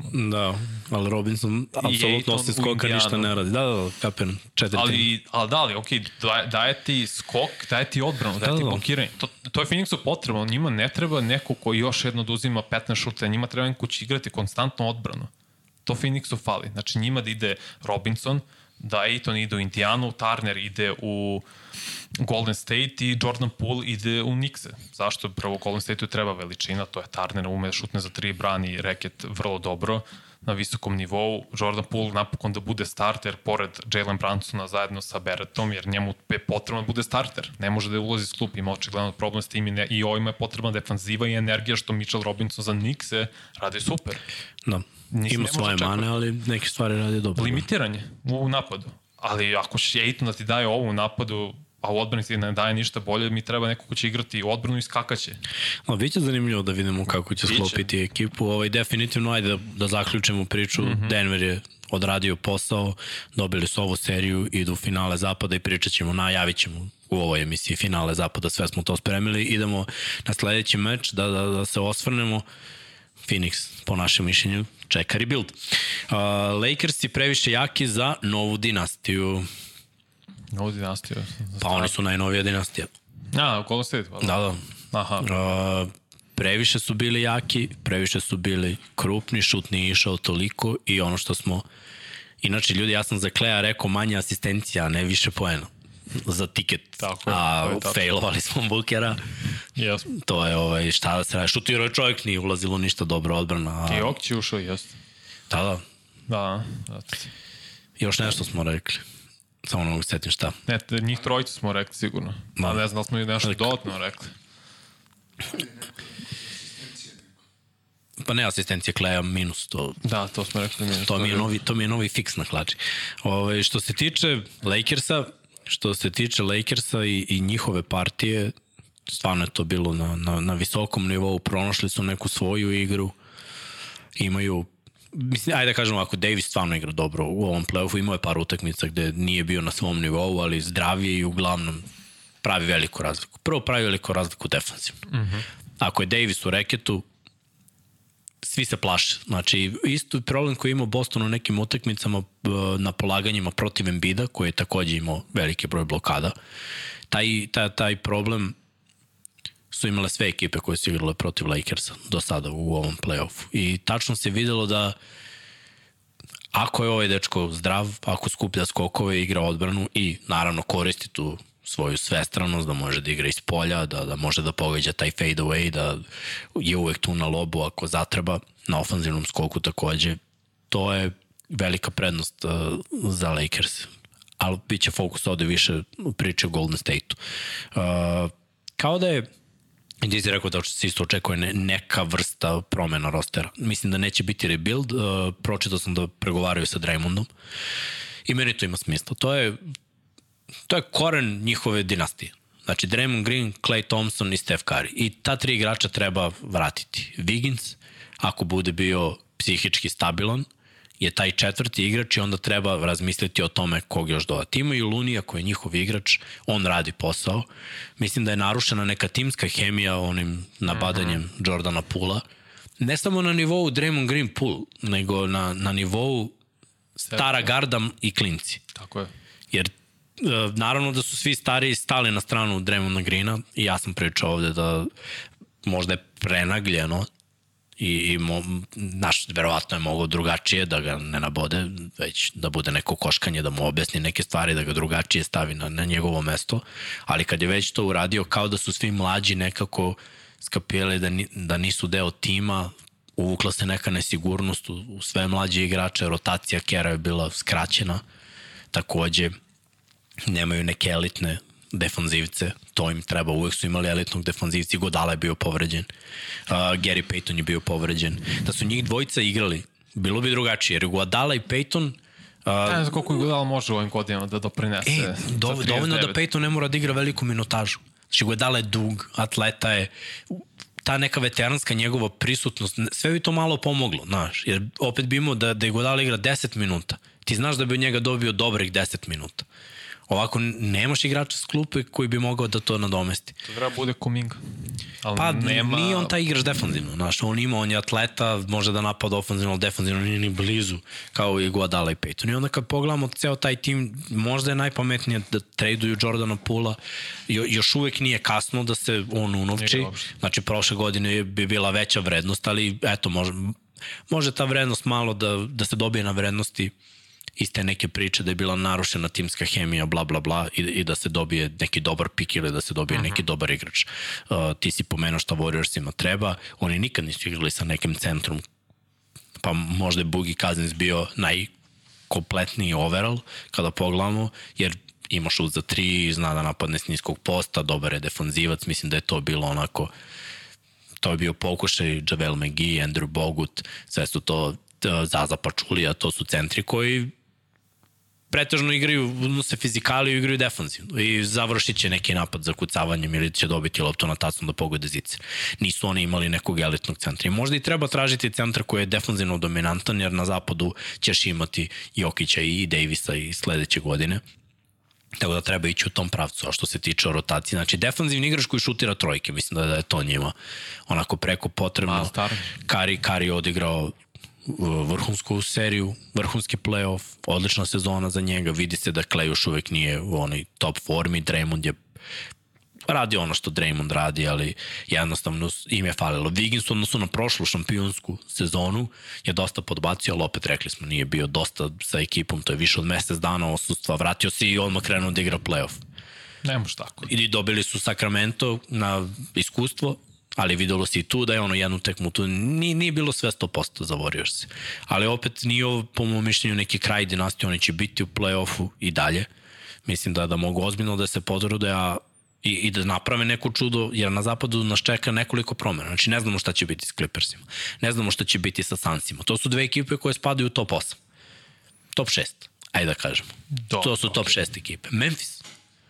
Ne znamo šta će biti s Memphisom. Sa Memphisom da, znači posle. oni su bili druga ekipa na zapadu. Ajde da kažemo da Sacramento i Denver ostaju I ove ostale ekipe, Lakersi opet će napraviti neko pretumbavanje, ali oni nisu da bili u top 6. Mislim da će vratiti ovaj tim. Mislim. Ali oni nisu bili u top 6. Znači, kad pogledamo top 6, imamo tri ekipe, četiri u stvari ako računamo i Warriors koji imaju neke deliće slagalice koje fale nešto što treba pretumbati. Pa zajemo da krenemo ovako. Prvo, Lakersi su odigrali toliko fizikalno i agresivno u šestom meču i u četovoj seriji. Oni su šut, u šestom meču su šutni 42 bacanja. Ne znam koja je bila razlika tokom čitave serije, znam su jedan, da su jedan meč šutnuli 20 od 20, drugi bilo 25, 28, mnogo su bacanja šutnuli jer to Golden State pravi dosta falova, oni sami ne idu nula zato što su manji tim. Bravo Lebron je to odigrao fenomenal meč 6, napokon imao 30 plus pojena što nije imao poslednjih 18 playoff utakmica, sad je imao i iskoristio to što je Wiggins bio povređen, imao povredu Rebara i to, ja ne znam zašto Golden State rekao da ima tu uopšte povredu. Mogu se da kažu da ima nešto drugo ili da kažu samo je po znakom pitanja LeBron je znao da treba napada Wigginsa svaki put što je i radio, pošto je on ogroman, 2-0, 520 kila i napokon je išao konstantni nulaz. Lakers su išli mnogo puta na bacanje, pogađali su za razliku od većine puta bacanja svoje, što je bio jedan od ključnih razloga u odbrani, to je u napadu Golden State Warriors, ono što Warriorsi nemaju, jeste konstantan šut sa distance i polu distance to je toliko upečatljivo bilo u nekoliko meča da ti vidiš da Anthony Davis u reketu, a ovi su svi manje više na tri poena i polu distance je prazno. Da, da. Nema ljudi. Oni pa ne, zato što ne, ne, ne, ne kreće, ne kreće uopšte u penetraciju. Ti da bi došao do polu distance mora kreneš na prodaj. Tako je, zavisi od šuta za tri poena. A koliko njih može da iskreira? Steph Curry. I? Jordan Poole. To je to. Gde je bio Poole ovaj playoff? Ne znam, nije bilo. Može i Wiggins, ali Wiggins ne mogu da krivim Wiggins što nije On će već forme. čekati na polu distanci ili na niskom postu za taj Kad šut. Kad je agresivan kao što je bio u petom meču, iskoristio to, iskoristio to je dao 25 pojena, ali nedovoljno agresivan. Clay Thompson je imao 9, 10 i 8 pojena na poslednjih tri utakmice nije više on taj igrač, to govorim čitao godin, jeste on imao 21 poen u sezoni, sada beležio po meču, to je regularni deo sezone, kao što je Jordan Poole imao 20, to je regularni deo sezone, a u play-offu nije on više taj igrač. Znači on je dao 9 šuteva, ja mislim, ukupno u poslednjih tri utakmice. To nije to, ne, ne može, nije više, vratit će se on Golden State, igraće dobro, on nije više kvalitetan starter. To, u tome je problem. Ne igra odbranu na onom visokom nivou kao što je igrao Jer kada igra odbrana na visokom nivou može da uzima te neke šuteve koji su neobjašnjivi preko dvojce, preko trojice i to sve sa 8,5 9 metra. Onda ok, kao dobro uzeo taj šut, ali nadoknadit na drugom delu. A sad nema toga. Nije više taj odbranbeni igrač, više ne ulaze ti šutevi i pitanje za Golden State Warriors Miles Turner, ja mislim da bi im najbolje pao. Samo mislim da Pacersima ne treba Jordan Poole, zato što već imaju i Maturina i da, da. ovog uh, Halliburtona i još par igrača. Lepo se obrazložio da treba uključiti više, ali dobro, NBA je to normalno. Nikad nije trade između dve ekipe, nego se uvuku 3-4 pa se mora, to pretumba mora. nešto. To, to je za NBA karakteristično. Mora tako, jer kako drugačije se ima ako neće tradeovati i Buddy Hilda i Miles Turnera u Golden State, što bi za Golden State bio pun pogled, ali šta ti treba sve da da? Još jedan divljak Buddy. Šutni, ali on... Šutni Buddy nema veze. Da, ali dobro, on daje dosta, on je dao, mislim, najviše da. trojke u poslednjih 4-5 godina. Jeste, jeste, mislim, rekordere franšize Kingsa, da, mislim, znamo da je najbolji trojkaš Stvarno jeste. Bio u Kingsima pre njega. Da, da, stvarno, stvarno jeste i mislim Golden State mora da, ako će sačuvati staru gardu, jer već su tradeovali uh, Weissmana tradeovaće delo, delo i Pula, možda i Kumingu, ostaje samo Moody. Oni su ti bili nekako budućnost, ali ti se njih traduješ jer i dalje se držeš te stare garde, da oni mogu da osvoje titulu. Ja i dalje mislim da je Draymond Green najviše kriv zašto se poljuljalo hemija u timu ove godine, da se nikad nisu oporavili, niti će se oporaviti zbog toga. Ali ok, ako veruješ u njima, moraš da obnoviš čitavih 5-6 novih igrača onda. Od osta, ostaće Dante Di Vincenzo, ostaće Wiggins, pošto ja mislim da je Wiggins drugi najbolji igrač trenutno. Oni moraju da ostanu, ostaće Luni, ali ok, tradeovaćeš, verovatno Kumingu moraš, moraš Jordan Poole, moraš te mlade igrači da dovodiš onda malo stariji veterane, što znači da uložeš svoju budućnost za naredne dve godine u suštini i prilike da uzmeš titulu. Jer 2025. Steph Curry, ja ne znam kako će imati godine, 36, 7, Clay Thompson će imati, ja mislim, 35, Draymond Green će imati 36, to je to. Zapad će biti mnogo bolji. Ne, sve stoji. Da će... Ali nije kasno, nije kasno. Oni imaju oni šanse još. Nije ovo bila njihova sezona, bilo je tih promena. Ja mislim da je najveća falinka zapravo su bile te povrede i mislim oni su na početku sezone odustali od Gary Paytona, nisu ga oni potpisali, su ga vratili Tako tamo u drugoj polovini, a treba im on, on donosi tu defanzivnu fizikale, ovo što si pričao da drugi igrači sad ne mogu. Jer ti moraš da imaš u njihovoj ekipi trojka mora da bude vrhunski defanzivac. Šampionske generacije su uvijek imali, pa i kad je Durant posle došao i pre toga kad je bio Godalo, u svakom šampionskom timu prošle godine Gary Payton, oni su imali dobrog defanzivnog igrača na poziciji 3, fizikalnog centra na poziciji poziciji 5 i četvorka koja je mogla da igra Draymond Green na četvorku cile, a kad je small ball, Green je na petici, a neko dolazi na, na četvorku da, da igra agresivnu odbranu. Treba im to i treba im spacing. Svašta im treba. Uh, ajmo malo Lakersima. Kratko, uh, najbolji utisak u ovoj seriji ostavio je Anthony Davis pro, pre, prosto je previše bio dominant. U odbrani svaki meč, stvarno je bio on je najbolji odbranben igrač u ovom play-offu, napad je bio gore dole kao što je uvek, ali je bio konstantniji nego u prvoj seriji. Nisu ulazili u zamku Warriors. Ne. Run and shoot, ono, trči prangije trojke, ne. Znali su koja je njihova... Nemaju snage da trče kod stavno. Nemaju, ma tako je, ali su znali šta je njihovo. Igraju odbranu, preuzimaju. Dobra zamisao da uh, Vanderbilt čuva Karija. Neki moment, da. Da li misliš da bi to moglo da se prenese na seriju sa Denverom? Da čuva Jamala. Drugačija stvar, zato što Denver ima Michael Porter Jr. koji Denver. sam stvara. To je, u tome je razlika što može sam sebi da stvore ako će Lebron uzeti Gordona, ti onda ostavljaš Austin uh, Reevesa ili DeAngelo Russella na, o, kako se zove, na Michael Porter Jr. koji ima 2.06. Kogod da njega čuva ima mismatch. Mislim, pričat ćemo o toj seriji, ima dosta načina kako jedni i drugi mogu da napadnu jedni i druge, ali moram pohvalni Austin Reevesa koji je pokidao šesti meč. Stvarno je bio baš igra Moram dečko igra ceo play-off. sezone i play-off i drugi deo sezone verovatno i zaradio sebi novi ugor, neki 20-25 miliona, mislim to, sigurno. Našao ga je, našao ga je Lebron. Jes, mislim, i opet Rob Pelinka što je uradio na, u februaru, obnovio čitav tim, mislim, bili su 13. na zapad. 13. na zapad, oni su igrali finale konferencije. To je pohvala za njemu. DeAngelo Russell, Vanderbilt, uh, Schroeder, mislim, to je stvarno kako posao radio Rob Pelinka i onda ceo tim da je lepo mogao se skocka za tih 20 mečeva, ako je Lebron bio povređen dobar deo toga, to je stvarno sve pohvali za Darvin no. Hema kao trenera koji je pravio izmene i za Pelinku i za čitav tim Lakers. Mislim, ovo je za njih, ja mislim, domet. Da su bili čitave godine zajedno ovaj tim, pričali bismo nešto drugo, možda je mm. favoritu, ali ovako mislim da je ovo domet. Vidjet ćemo, vidjet ćemo. Ja mislim da je Denver favorit u ovom matchupu. Uh, ali dobro, doći ćemo do toga. Uh, možemo da idemo dalje, Srki. Idemo na poslednju polufinalnu seriju, idemo na isto gde su Miami Heat rešili New York Knicks-e. Razliku u kvalitetu, uh, mi smo failovali sa pretpostavkom da će Milwaukee biti u ovom polufinalu i kad smo videli da mhm. Miami ide na, sve nam je jedno bilo, da li ide na Knicks ili na, na Cavaliers-e, bili smo u fazonu da se tu završava put za taj deo Kostora i da Miami može do finala. Miami je ponovo stigao do finala, dve godine u nizu. Igrali su i veliko finale pre tri godine. Tako da, ajde da, da ovako prvo moram da pohvalim Spolstru.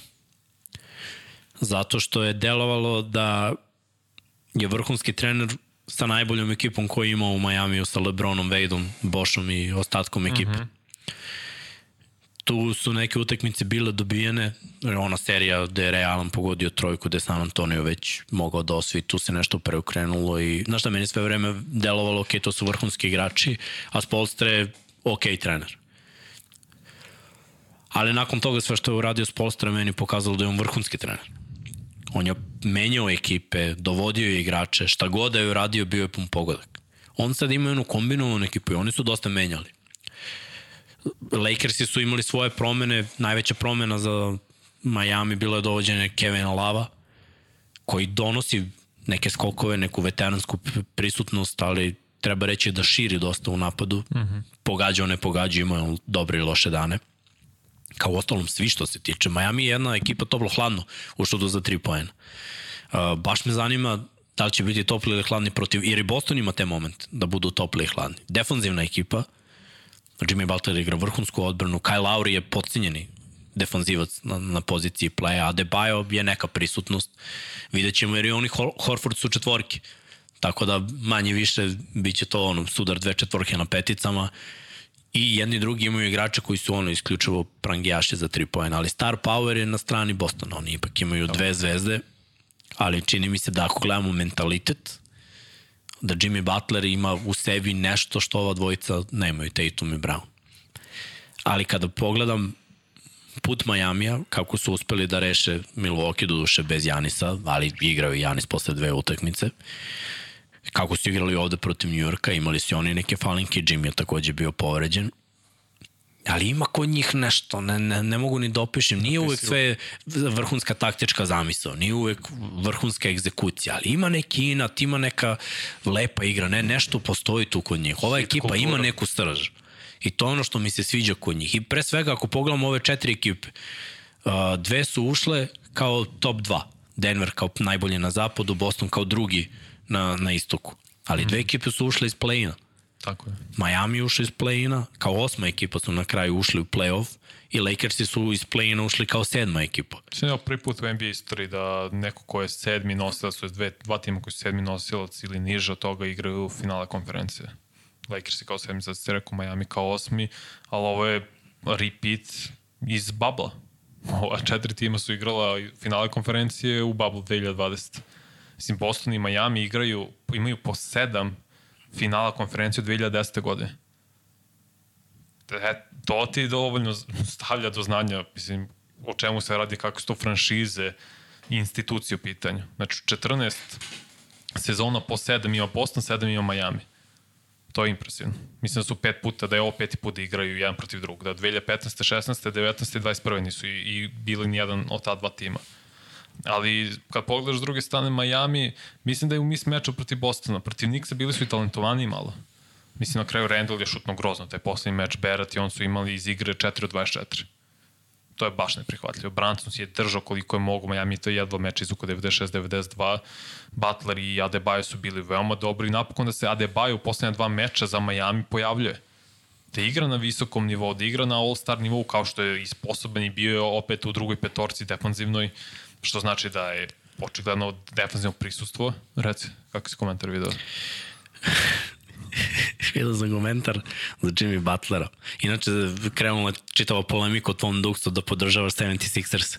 Ne, ne mogu smisliti. Da.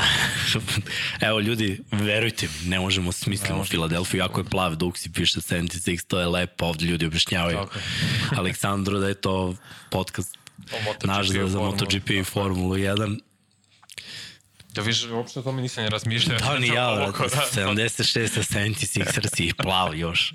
Tek, tek ove kasnije da, mi je da.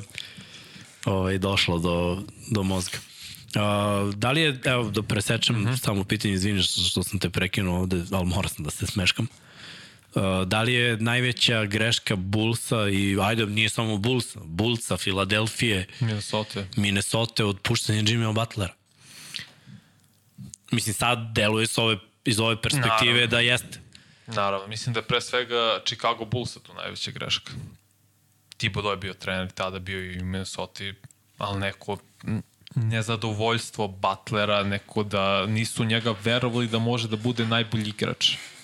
To je, mislim, bio problem. Ne znam zašto je Chicago to verovao, to jest nije verovao. Posle su ga tradeovali u Minnesota za Zeklavina i ok, ne mogu da ih spori. Mislim, Zeklavin je isto jedan vrlo dobar košarka, ne, neću kažem vrhunski, ali je on all-star nivo igrač. Dobili su nešto uzvrat. Minnesota nije dobila ništa. Philadelphia nije dobila ništa. Mislim, više... Na kraju Miami dobio.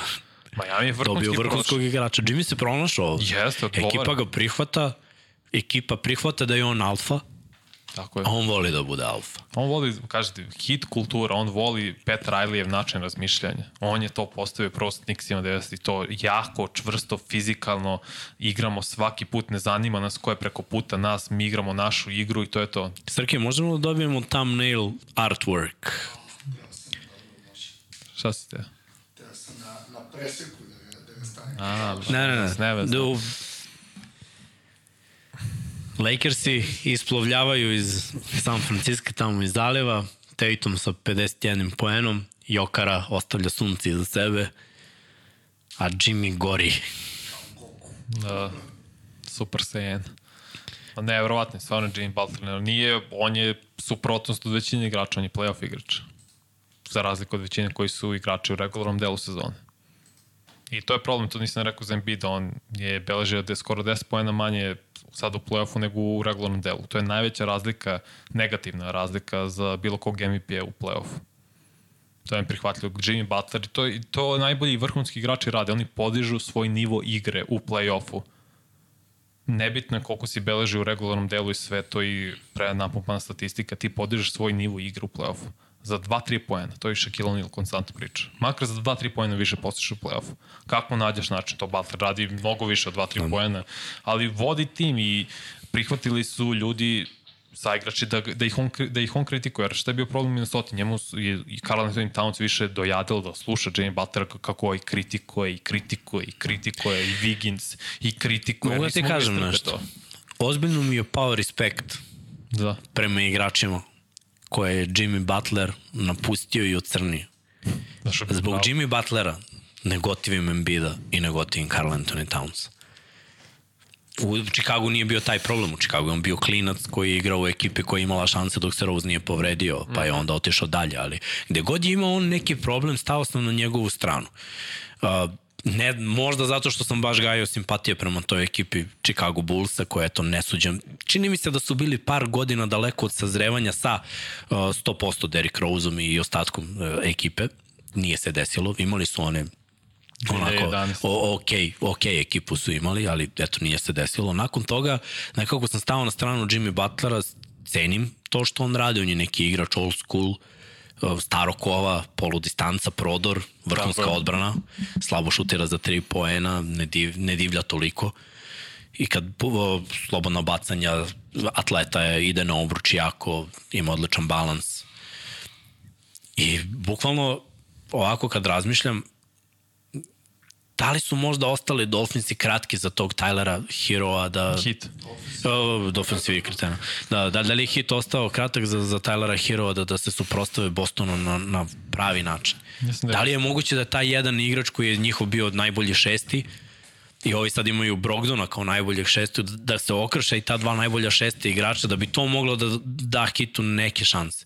Jer ovako kad pogledam Miami, sad, traži, sad je u stvari Kyle Lauri taj šesti igrač. Mm -hmm. A njihova prva petorka, da, da li može da se suprostavi prvi petorci Bostonu? To mi je onako, pričat ćemo o tome kada bude došlo da razmisli o, o ovome. Što sam rekao, Točno. malo da prokomentarišemo o Nixima i da ih odjavimo za ovaj playoff. Ajde ovako, nije bilo očekivanje da oni mogu dalje od ovoga, a? Pa ne, ovo je plafon. Ti ih nisi stavio ni dovde da dođu. Tako je, tako ja stavio Cavalierse, pogrešio sam.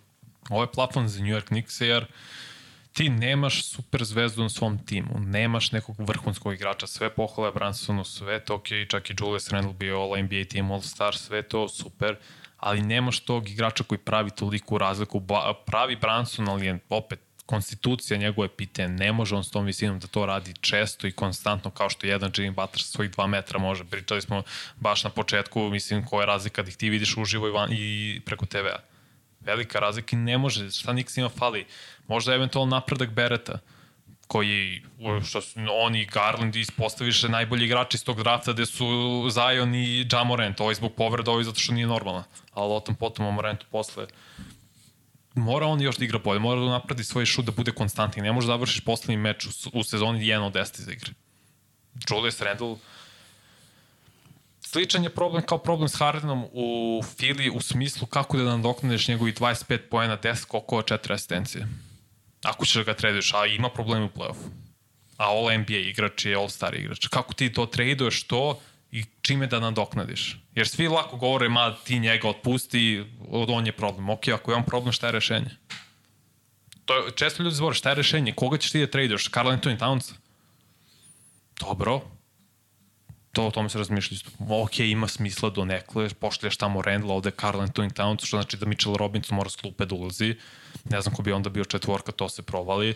Ali ok, može ta promena sredine, jer onda imaš neku veliku prisustvo u reketu, Carl Anthony Towns se vraća da bude centar. Da kažemo da imaju ok back, ovaj, da, uh, tako je, backovsku liniju. Da, imaju, ok. Ok, nije to Josh sad elitno. Hart, I Branson, i Quickly, i Grimes, ok, to su četiri, imaš backup Pa i Beretta. rotiraju. Barrett, da, dva, tri, nešto, ne bojim, on igra, u Pa da. Tri. Jeste, da, ali da kažemo da Tako je odigrao dobro ovu seriju, mislim. Jeste, odigrao je dobro, ovo je mu i prva playoff serija, zar ne? Mislim, Da. čini mi ili druga, ali opet mlađi, nema ni iskustva i mora bude bolji, mora da dođe do Čovječe, all-star kako nivoa. čudan taj draft bio, a?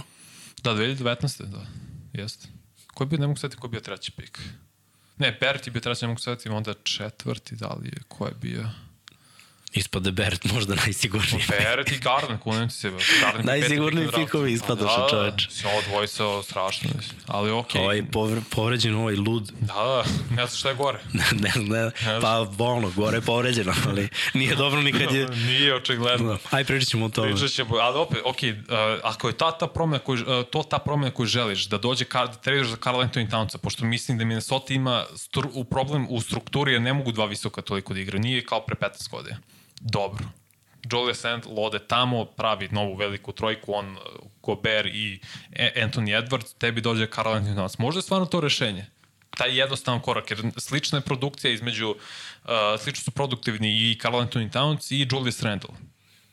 Cap im je, ja mislim, manje više sličan, tako da možda ta promena. Pošto deli mi da je Randle isto odigrao onako bez želje, neko kao, nisam više najbolji igrač, pa neću toliko se trudim, sad je Branson bitan, znaš, to je i deo ega, malo i, se, i malo je sebičan. Ako je to stvarno tako, ne znam, ja to samo dajem sad spekulacije, nemam predstavu, tako sam utisak uzeo ovo iz ovih mečeva, ali onda treba da se promeni Randall koji je bio i najkonstantniji igrač u regularnom delu sezone i zameni ga s nekim podjednako dobrim. Ako je samo to rešenje i da ostane Thibodeau. Ostaje tip za? Pa mislim da da. Dobro. Kad, je, kad su poslednji put Nixi uzeli, osvojili playoff seriju, 2013. Davno je bilo. Tako da, ok, imaš neku strukturu, samo ti fali elitan, elitan igrač, što možda Carl Anthony Towns, ako bude ponovo igro centra, može da bude približno tome. Da. Makar all-star igrač. E, komentar. Kalu kaže, velika trojka u kojoj su Randall i Gobert mogu samo u Euroligi da budu konkurenti.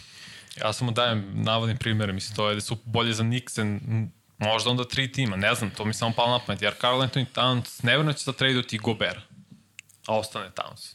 Ne pa, ko zna. Ne znam, ko baš. Zna. Svakako, bolje neki dani mogu da dođu za Nix, ali potrebno je par igrača tu malo da, da, da se pomere. Mladi su, oni su kao ekipa yes. mladi i njihove zvezde su mlade zvezde, koje još uvek ne sijaju toliko jako kao Tako najsvetlije zvezde ove ligi. Ali... Moraš i da vidiš šta ćeš sa klupom, jer ok, Fournier ti nije igrao, malo te njega ćeš morati da traduš, ne znam što ga držiš, Rose isto nije igrao, ništa tu su ti, kaže, da kažemo, Grimes i Quickly i ovih uh, Hartenstein centar, treba ti tu malo dubina na klupi, neka, treba ti zapravo krilni igrač, to njima fali, neka klasični krilni igrač, neko kao Paul George, na primer. Ako će već da ciljaš visoko, zašto ne bi da, da. pozvao Clippers-e, Ma treba, treba probati. Vratiš Randall tamo, tako da taj neki fazno. Ovo, ono, nije, nije loša sezona za Nikse. Samo su New York Nixi kao fanovi nerealni. To je drugo. Pa to Ali, veliki gradovi, sezona. da, uvek su nerealni. Mislim, realnost nije bila. Ti, ja sam ih stavio ovde. Da ovde da. završavaju. To, to mi je bilo realno. Ti ih nisi vidio ni ovde, ali tako. mislim, mala koja je bila granica. 4-3 smo ocenili Knicks i Cavaliers i njihovu seriju. Znači, granica je bila bukvalno ono. Razlika u našem mišljenju je bila za, jednu, jednu tekmu ko će privede kraj. Da. Nekako mi je delovalo da su fizikalniji od Clevelanda i da, da igraju ma, za nijansu bolje, ali daleko od toga da, da dobiju Milwaukee ili Miami. Uh, možemo, možemo da idemo dalje, Srki. Sada je vreme da pogledamo playoff kostur. Kao što možete videti u našem playoff kosturu, Miami-Boston u finalu istoka, Boston kod kuće i uh, Denver Lakersi Denver kod kuće kreće prvi. Uh, prvo ćemo naravno naših. hoćeš s tim ili hoćeš sa Morentom? Da ne završamo ne, ne, sa lošom pričom. ćemo, poslije ćemo okay. vesti. Okay. Ajde da se bacimo okay. na najavu finale zapada. Koja jača karta, Joker ili kralj? Da si ko igri. U košarci. Vidjet ćemo, pazi, ovo će više biti duel obrve i Jokera. Mislim da Dobro, da to... ja sam vidio e, super, super, super stvarno pitanje i naslov, baš mi se sviđa, ali kaže, delo mi da će biti duel između Jokića i Davisa ključni u smislu kako će Davis da čuva Jokića. Kada da li misliš da će Davis da čuva mora, Jokić? Nema ko da čuva. Ne, ne, ne vidim ko drugi da čuva. Mora, mora. Preuzimanja iz pika, ne. ko pomaže? Ko, e, to se zavisi. Ko je na strani odbrane, na strani pomoći. Kakva petorka treba da bude za Lakers-e da ima Pazi. uvek dva spremne igrača na strani pomoći?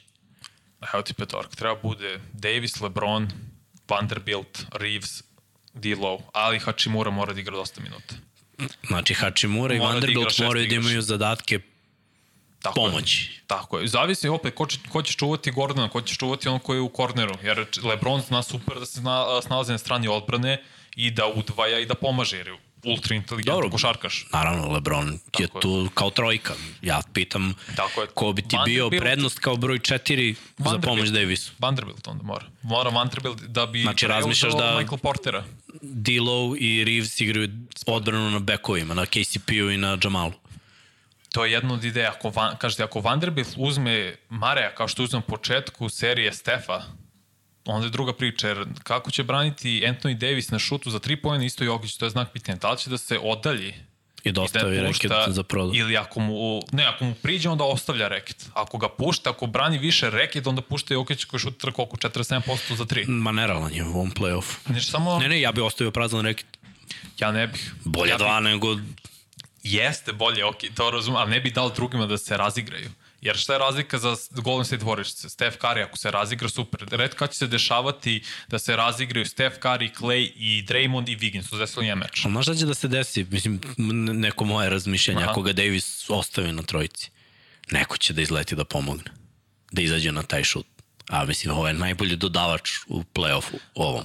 Pa mislim da neće, jer pa su dovoljno inteligentni da naprave taj plan. Ne da ga ostavi nužno, nego da ne bude toliko blizu, da bude metar i po od njega, da ne bude pola metra od Jokića na, tro, na za tri pojene. Metar i po da ima dovoljno uh, udaljenost od reketa i Jokića, da ne dopušta back, background. Back do, back, back do utrčavanja, da, ali, ali ajde ovako. Mislim, stvarno je, ne znam šta je gore.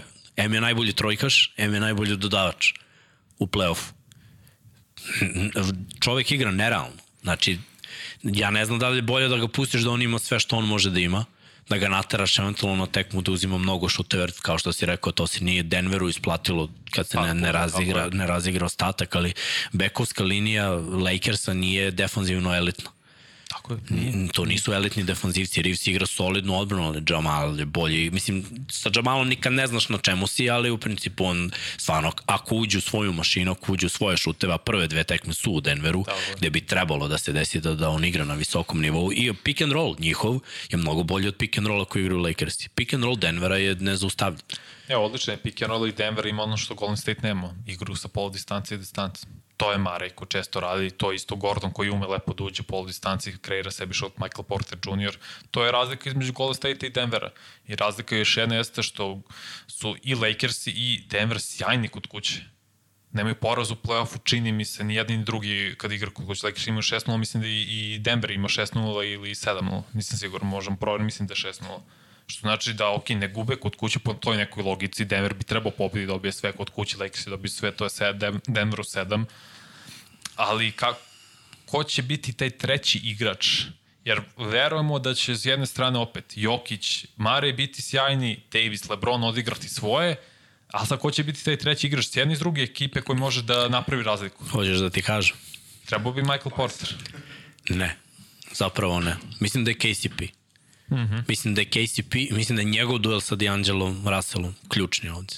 Šta, šta smo Mislim rekli? Da će on uzeti Russell, a ne Reeves. Ne, ne, nebitno, nego duel kao Aha, njih okay, dvojica okay, ko će okay, da da više, da. jer Dilo je samo u dve tekme kad nije ispoštovao onih 20 poena, sa, samo je to jednom bilo, kad je igrao loše, Lakers je dobili, kad je igrao dobro, Lakers je izgubili. Sve ostalo, kad on igra dobro, Lakers je pobeđuju. KCP je dobar defanzivac, i njegov šut za tri poena će Lakers i ostaviti, jer nije konstantan. Imao je dobre partije, ali prvo on je dobar u tranziciji, igra dobru odbranu, bio je u Lakersu, u Lakersima bio je u njihovoj šampionskoj ekipi pre dve godine. Tri. Tri, u bablu. Mm -hmm. Tako da, znaš šta, on je neko ko ih poznaje, bio je tu sa Lebronom, bio je tu sa Davisom. Kapira gde su rupe. Agresivan je ide na prodor. Ako mu kreneš uz za tri poena, To je ključ. Mislim da Porter junior igra loš playoff. Mislim da ima par dobrih tekmi, ali mislim da ovo nije njegov playoff. I on i Hachimura su dva igrača ko, koja vidimo onako kao potencijalne poentera, ali ovaj backfield, backovi, to, to me, backward. backward, da, backward, to me, to me zanima. To me zanima baš. Jamal baš polaža mnogo nade u njega da, da, da će ovde odraditi posao, jer zapravo ni Reeves, ako, ako ga Reeves bude čuvao ili Schroeder, mislim da neće pokušavati ovo sa Vanderbiltom, jer će ostaviti mnogo toga iza, jer Denver je mnogo, znaš zašto su to radili sa Warriorsima, jer su oni mali a ovamo ovi nisu mali. Znači, da. koga god da ubaciš, Porter je visok, skočan atleta, Gordon je brutalan atleta i takođe ne isplati se da igraš takvu odbranu da staviš manjeg igrača da, da čuva njih, a vi, viša petorka, Denver će tu biti na tranziciju. Bar mi deluje da, da, da nije najpametnije. Pa pazi, prvi meč će nam dosta toga reći, to je ispipavanje. Prvi meč je uvijek u bilo kojoj seriji ispipavanje, da imamo ko, koje strategije funkcionišu, šta ne funkcioniše, koji igrači su dobri, mislim, Lakers su dobili prvi meč protiv Memphis i prvi meč protiv Golden State u gostima. No, ovo je prva tekma koju gledamo u finalima. Tako je. Konferencije. Tako je, u utorak na sredu, da. Uh, da, ovde piše kao utorak 2.30. Da, da, ne znam to. da li je to... to... Jeste, jeste, jeste. Zato što je Anthony Davis rekao da u intervjuu da odmaraju do utorka, što znači Jeste, da nije da, da. ponedeljak na utorak zbog Tako je, razlike tako u vremenu. Mislim, o, igra bilo je 2-2 ove godine u regularnom delu, to je bilo pre samih trejdova, pre All-Star meča, tako ne mogu ništa da izvučem iz tih utakmica jer je ovo kompletno novi tim Lakersa i uh, doprinos Bruce Browna sa klupe će isto biti ključno. Jer on ako bude imao seriju kao protiv Phoenixa, da je 3 od 4 meča koji su dobili bio vrlo dobar, Da. to može isto da bude ključno za Denver. Stoje. Ne, ne, klupa. kuće. I jedna i druga klupa su dobre klupe. Ako pogledamo klupu Warriorsa i klupu Sansa, nisu ni približno kao klupe Lakersa i, i Nuggetsa. Mm -hmm. Imaju i jedni i drugi po 3-4 igrača koji mogu da naprave razliku i defanzivno i ofanzivno. Tako je. E sad je samo pitanje ko će od njih doći do izražaja i na, na kom terenu, da li na gostujućem, da, da li na domaćem. Ja mislim da, da ako gledamo zatvaranje bekova Lakersa, oba Brauna, KCP i Mare mogu da odrade dovoljno dobar posao na bekovima. A bekovi su Dillow, Schroeder i Reeves. Sad, ovi ostali, znači, Lakers igraju malo drugačije, sa drugačijim petorkama. Ja nisam primetio da neko drugi u bekovskoj liniji može da napravi bilo kakvu Samo se razliku. plašim da Malik Beasley ne krene, ne bude taj Joker sa Ali klupe. Bizli je jednu tekmu onda igrao dobro. Mislim, Ti može kažem, da se zato, desi. Zato i kažem, samo ali- se toga plaši da se ne desi to kao Šemet da ima tu jednu rolu, jedan meč gde on s klupe da 6-7 trojki što je sposoban da uradi i da to ne bude na, ono, ključna stvar, če, pogotovo ako bude bilo prva dva meča, da, da ne iznenadi Denver. Samo to, samo me to brine, a s druge strane stvarno mislim da je Denver kompletni tim, bolji, konstantniji čitave godine i da ovi Lakersi da su bili ovakvi čitave godine, bilo bi druga priča.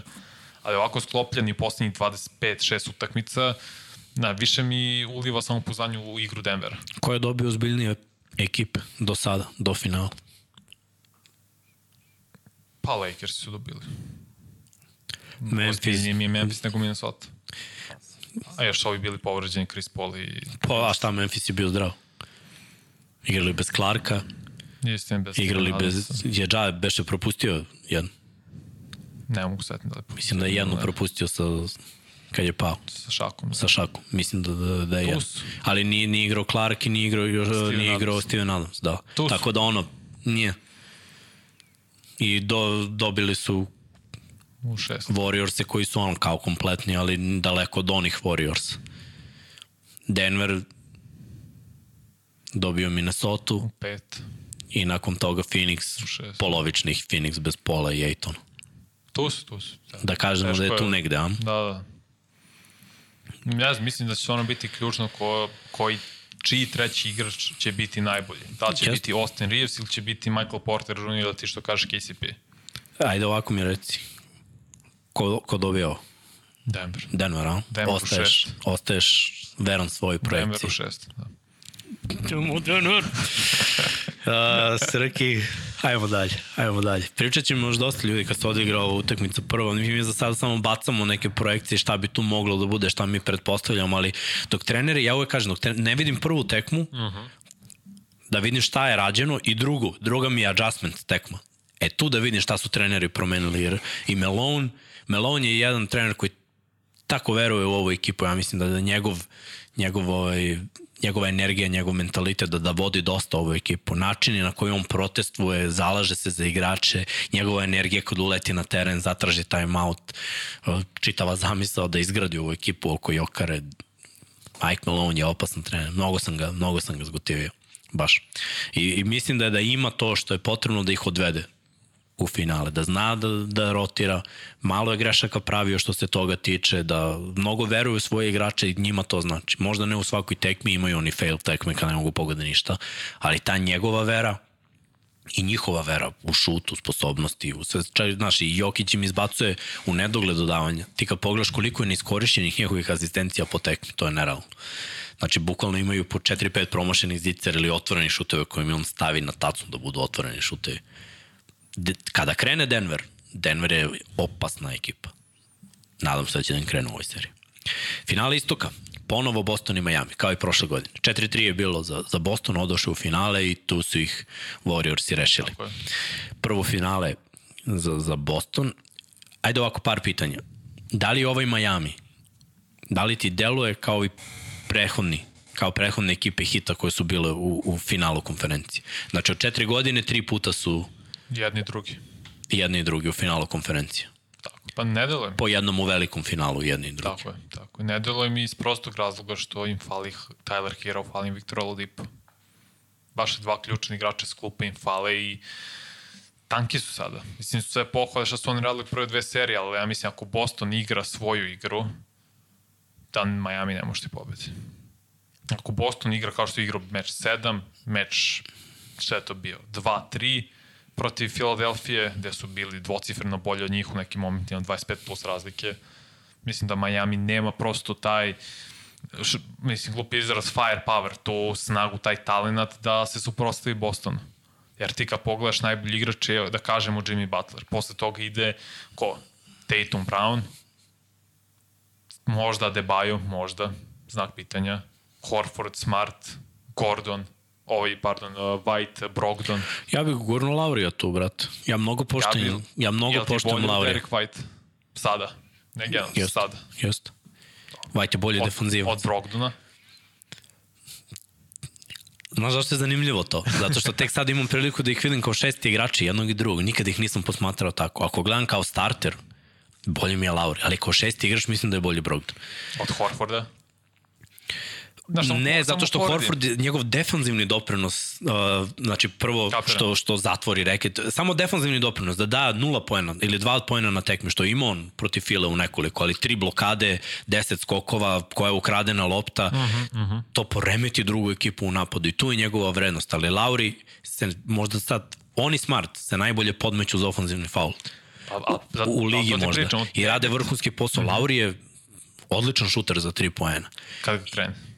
Ima momente gde I- I, smo protiv Nixa. Imaju svi. ide. Imaju svi. Imao je jedan Tatum 51 poen na tekmi, a pre toga imao jedan od 14. Je tako? Svako ima lošu minutu, ali a ja gledamo iskustvo. Ko ovde ima prsten? Ima Lauri. Aha, dobro, ima Kevin Love. Ima i Kevin Love. Za koga oni igraju? Dobro, Za- za Miami. Ima Ali tu neko da oni iskustvo. Nemaju iskustvo, igrali su Ne, ne, ne. finale. Igrali su, Igrali su ovo im finale. je peto finale konferencije za Browna i Tatum. Koliko je igrao Lauri finala? Konferencija? Igrao je u Torontu. Dva. I onda je Sad, ne, sad i ovo, u jednu Toronto i sad ovo. samo jednu u Torontu. Da, nisu oni prolazili. Njihov kriptonit je bio LeBron u drugoj rundi, tu staje Igrao je pre finale protiv Clevelanda i onda jedno finale kad su osvojili i sad je Aj finale. pogledaj, možda broniš. Igrao je finale, Lebron onaj step back u levo kad je dao, kad ih eliminisao za. Toronto. To je druga runda. To je bilo polufinala konferencija. Sve u svemu, Lauri je vrhunski. Ne dira mi bucka. jeste, Ne dira mi bucka. Vrhunski igrač, on ti kažem, od devet igrača, Hoćeš da kažeš da su šestoro. individualci bolji u Bosnu. Ali ajde ovako, šestoro iz Bosna, ako ne sedmorica. razumeš šta hoćeš da kažeš, ali jedna i druga krasi timska igra. I nisu bolji zbog individualnih doprinosa, nego zbog timske odbrane i timskog napada. I kad pogledam, bo, e, više Boston teži nekom individualizmu nego Miami. To što su sposobni za to, nego Miami. Jesu, ali to je zamka. To može da bude zamka. Mislim da Boston dobije ovo. Ja sam prognozirao da Boston ide u finale. Ja mislim da je Boston bolji tim, generalno. Ali upadnu nekad uz neki svoj trip da je mnogo individualno, da ne idu na ulaz. Ne znam zašto, iako imaju sposobne igrače, da se mnogo izbacuje za tri i da šutiraju igrači koji nisu najbolji u timu. Vrlo važne šuteve za tri poena Ala Marcus Smart. Ala Al Horford, ala Derek White, ala, znaš, ono, imaju oni, često se napravi taktika tako da dobiju na utakmicu, oni ne dobiju. I opet upadnu u neke zamke. Boston je ekipa koja posle Warriorsa najviše šutira za 3 poena. A često ih neće šut. To je ono što Miami ne radi. Miami ima par igrača koji šutiraju i ne ide. ih. Strus, Robinson i Hero kad je tu. Da, da Gabe Vincent isto ta već. ali šutiraju po svaku cenu. Robinson je najbolji primer, znači jednu tekmu 6 od 7, drugu tekmu 1 od 7. Znaš razlika između Bostona i Nixa? Što Boston ima više igrača koje može da stavi na jednog Jimmy Butlera. To može da bude Derek White, to može da bude Marcus Smart, to može da bude Jalen Brown, ko što čuva većinu dela James Hardena. Konstantno da šalje dvojicu, trojicu igrača tokom čitavog meča da se izmori jedan Jimmy Butler, mislim da je to jedna od glavnih stavki zašto će Boston pobediti. Dublji su tim, bolji su tim, prosto da igraju ovo dvojica, mislim bila druga priča, da bi bilo nešto nalik prošle godine, reci. Igrali su 2017. 17, da. Ok. Mislim, ono, jedna serija manja, ali ima, Lauri ima nešto, brate. I opet, ako gledam tipa, on mi je kao smart na drugoj strani, ja bi njih poredio. To, to su mi dva. I ako će imati taj uticaj šestog igrača sa Brogdonom, to će biti ono ko je bolji šesti igrač. Ali oni smart donose neku energiju sa svojim podmetanjem, sa svojom odbranom i sa svojim trojkama. Mislim da je Lauri za nijansu bolje od Smarta, što se tiče napada. Trenutno? Napada. Dobro. Da, mislim da Smart pogađa, evo, kada nije egal tekma, kada Boston vodi, on pogađa te trojke, zaleće se na ulaz, ima, ima svašta. Tri puta su mu dali šansu da reši tekmu u ovoj seriji protiv File. Ne, dva puta protiv File, a bilo je jednom i protiv Atlanta. Tri puta ukupno. Kad je bila egal tekma, kada je moglo da se izgubi. Nijedno nije rešio. Ne može da daješ loptu Smartu da reši. U Majamiju postoji jasna hijerarhija. Jimmy Butler to Pa rešava. svi ostali. U Bostonu se veruje nekako, mislim što je lepo, stvarno je lepo, ja to podržavam. Oni veruju da Smart to može. Izbacit će mu pas, znaš, Jimmy će da reši. To je možda jedina šansa Majamija, jer sve ostalo da kažemo da je egal. Pazi, Jamie Butler onda po toj logici mora beleži 35 pojena po meču. Neko je ovde napisao da Jimmy Butler mora da ima 250 pojena u seriji. To, to ja ne, ne vidim drugi način. Ja sam mislio prošle godine da su bili bolji tim, ali na kraju je opet umor stigao i Butler, jer taj moment kad nije išao do kraja protiv Horforda, nego je ostao i šutno za tri bio kratak, poslednji meč što ti dao znak, nije imao više snage da probije do kraja, poslednji put. I sad uz neku tu mini povredu globa, mislim da će se oporaviti do srede. Mislim, čak u sredu igraju, što je super za Butler, su igrali Da, da, da. u petak, pa sad sreda. Ima tek. baš dosta vremena. Pa i, vremena. mislim i za Boston je tri dana manje više. Manje, pa da. Tako, biće ne, mislim da će biti neizmestno da će biti Ljudi pet, kažu šest. 4-2 za Boston. Pa ja sam isto mislio šest. Šest. Možda čak i odvažno kažem u pet, jer imam previše poštovanja za Miami da im dam samo taj gentlemansko čišćenje. Ne, Imaš poštovanje za Miami ili za Jimmy. I za jedni i za drugi, ja poštujem Pat Riley i Spolstra. Mislim da Spolstra što je... Pošto je vrhunski trener. bro. On je ja, trenutno najbolji trener u ligi. U svo dužno poštovanje Steve Kerr šta radi, on ima vrhunske igrače, ali Spolstra prvo ja ne znam kako čovjek nikad nije osvojio nagradu za najboljeg trenera u godini. To je neverovatno. Odvoje tim sedam puta u finale konferencije u 14 godina što smo rekli. Mislim da je stvarno najbolji trener. On i kombinacija Pat Riley, to je ključno. To je što je napravilo hit kulturu. Da oni imaju poseban režim ishrane i treninga, da ti određen broj masti moraš da imaš do, do određenog datuma u mesecu, ako ne, kaznete. Ba, pa viš kako sada izgleda Lauri. nije Bucko. ne, ne, ne. Ja kad zovem Budko iz Bio je. Milja, iz Milošti. Ne, ne, okej, ali bio je tako i imao je taj oblik tela, mislim, u Torontu i kad je došao u Miami, ali kad su ga uhvatili u njihovu mašinu, to je to, nema šta, mislim, Jamie Butler izgleda fenomenalno.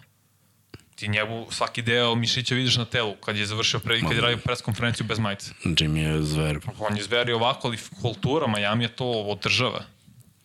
Zato smo i rekli, to će za Jovića biti super. Ako uđe i prihvati taj Kako sistem. mi je žao što, što je povređen, što nije... Mislim da bi imao minutažu od početka play-offa kakvu takvu.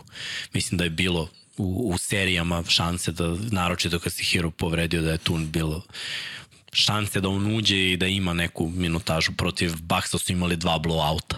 Mogu da uđe bar u garbage Pa time jest, ako nešto drugo. jest, Da. I onda i ovde je čak bilo protiv Nixa, ona je bila je grozna ona jedna tekma gde, gde, Miami, da, peti. Ja mislim ne, ili... jedan su baš bili onako grozni.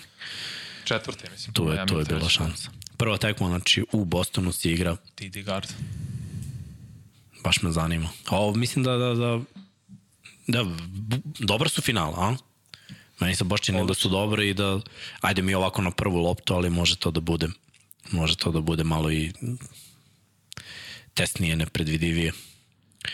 To ćemo tek da vidimo. Uh, ajde, najavili smo, pričat ćemo, vidjet ćemo kako ćemo zakazati. Ja sam stavio Vanja za četvrtak da bude. Pa taman, ja bi iskreno, a vidjet ćemo, to ćemo se dogovoriti još. Jer će se odigrati i utorak Ne, ne, i u to sredu super. i onda ne, možemo ne, to da Super. Ja sam mislio kad se pričamo obe utakmice. Tako je, kad nakon što se odigre obe utakmice sutradan da radimo. Sad to bi zahtelo bude subota, utorak i tako, petak naredni i tako dalje, tako dalje, ali vidjet ćemo stvarno. Mislim da posle kad se odigre obe, onda možemo lepo da sednemo, da ne propustimo MŠ, da se ne nagomila ono dve se odigraju da, da. i to. Ali o tom potom to ćemo vidjeti.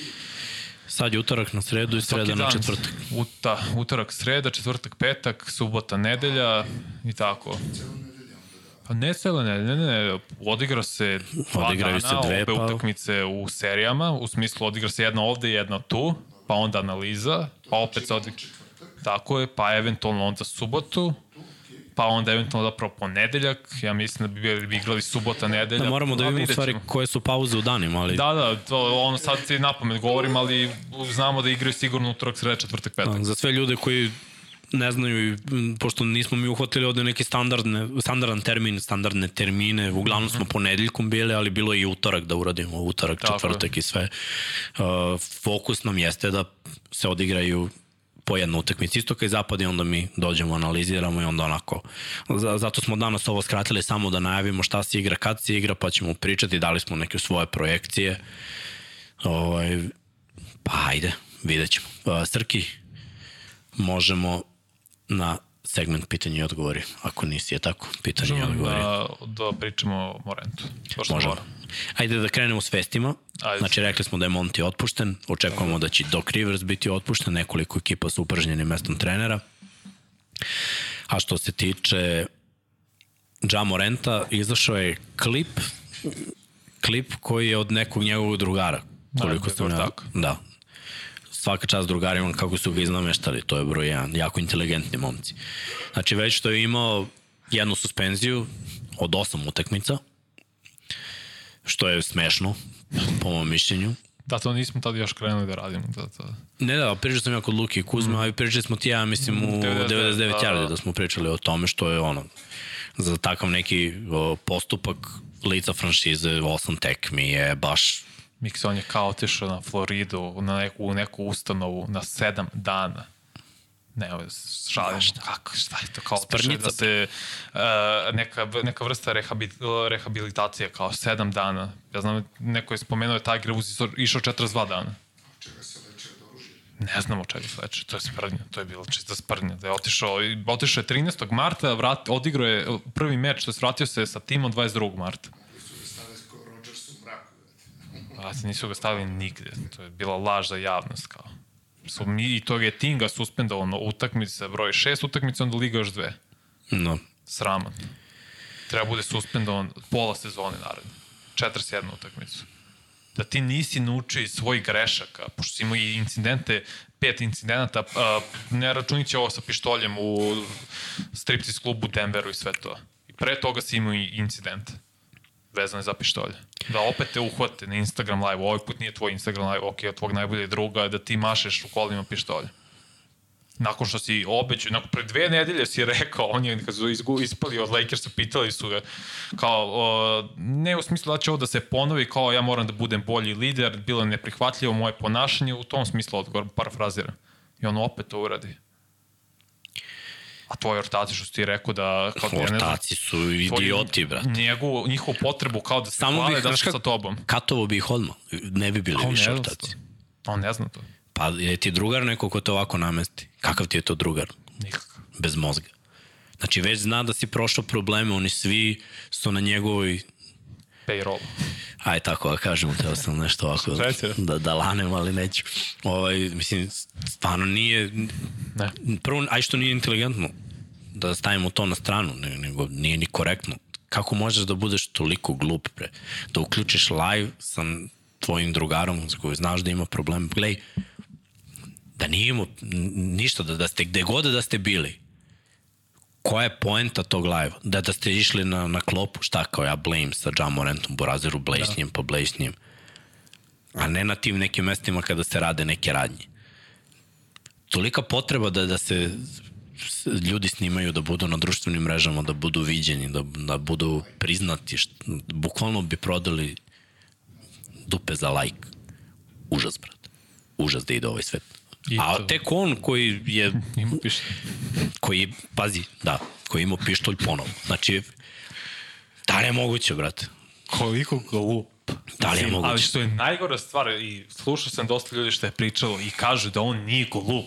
On je vrlo inteligentan. Ma kažu da je inteligentan na terenu, brate, to nema veze Ne, i van terena, neki kažu, neki koji su tipa Mike Wilbon, on što je ESPN, on čovjek 60 nešto godina, novinar, kaže, on stvarno kad pričaš sa njim, nije glup.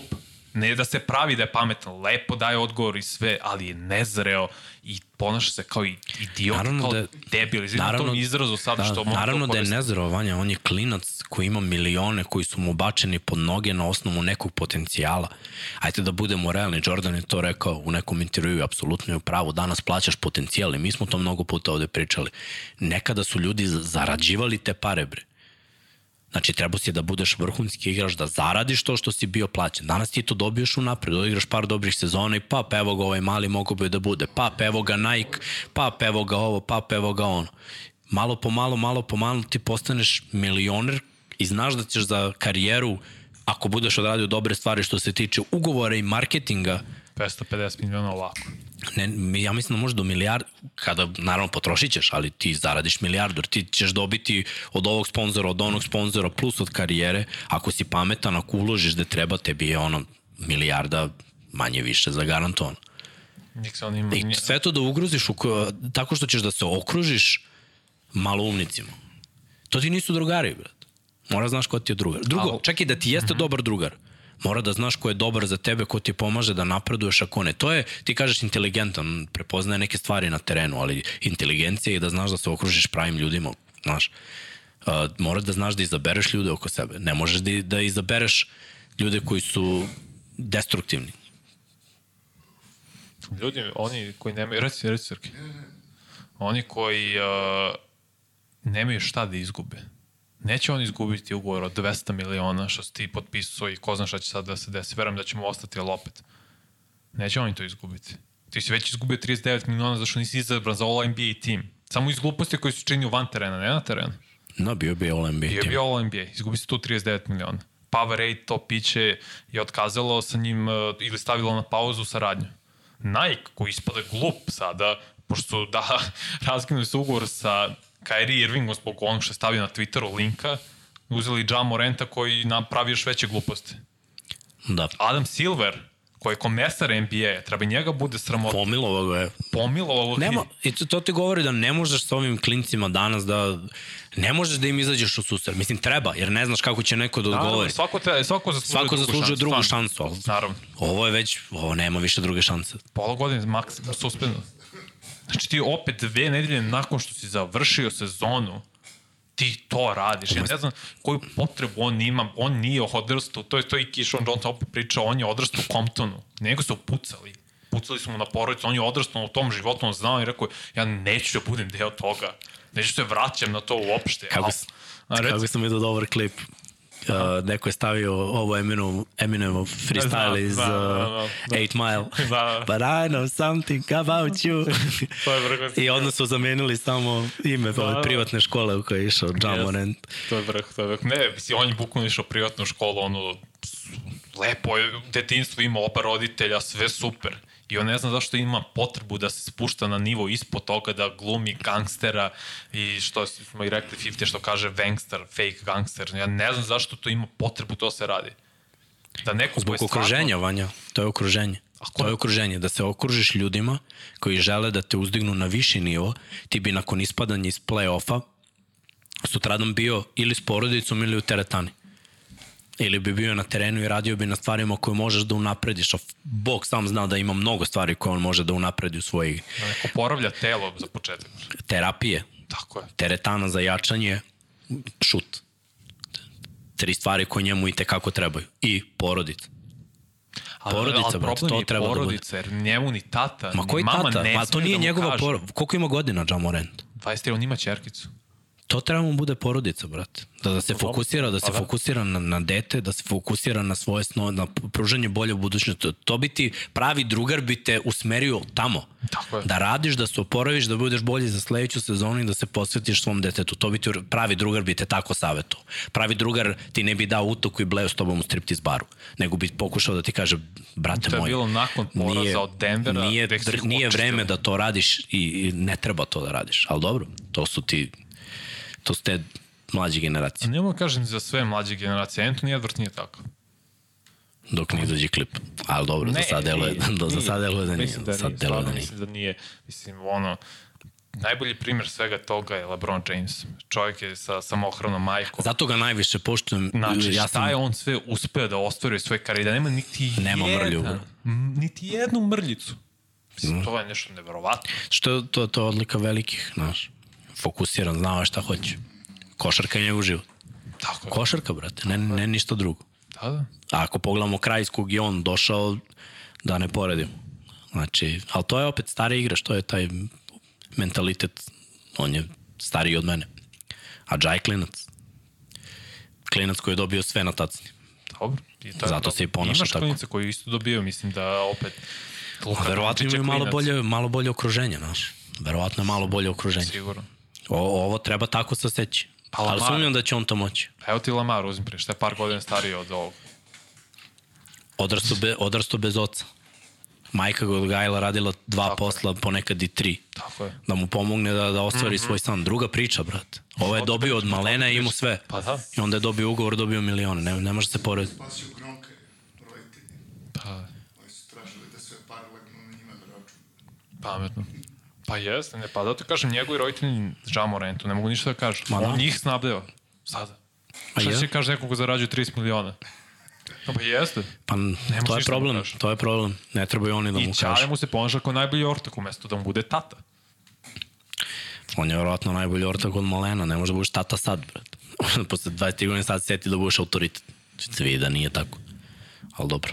To je, to je njihov način. Mi ne možemo da- to da razumemo, ja ti kažem zašto smo odrasli u drugom svetu. Dobro, dobro.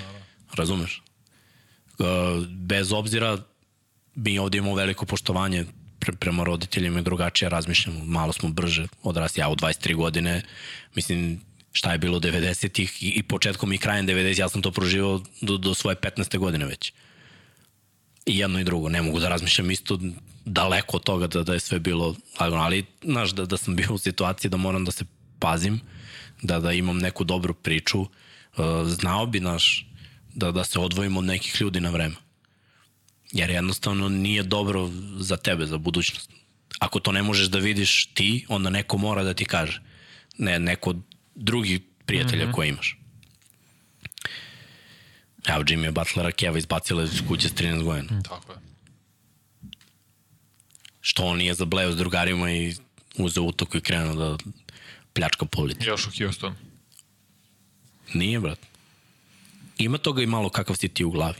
Ima Be, be, bez obzira ovaj, koliko Ima, inteligentan na terenu. Zato ne. kažem, če posle to ne bi ga suspendao, ne bi trepnuo.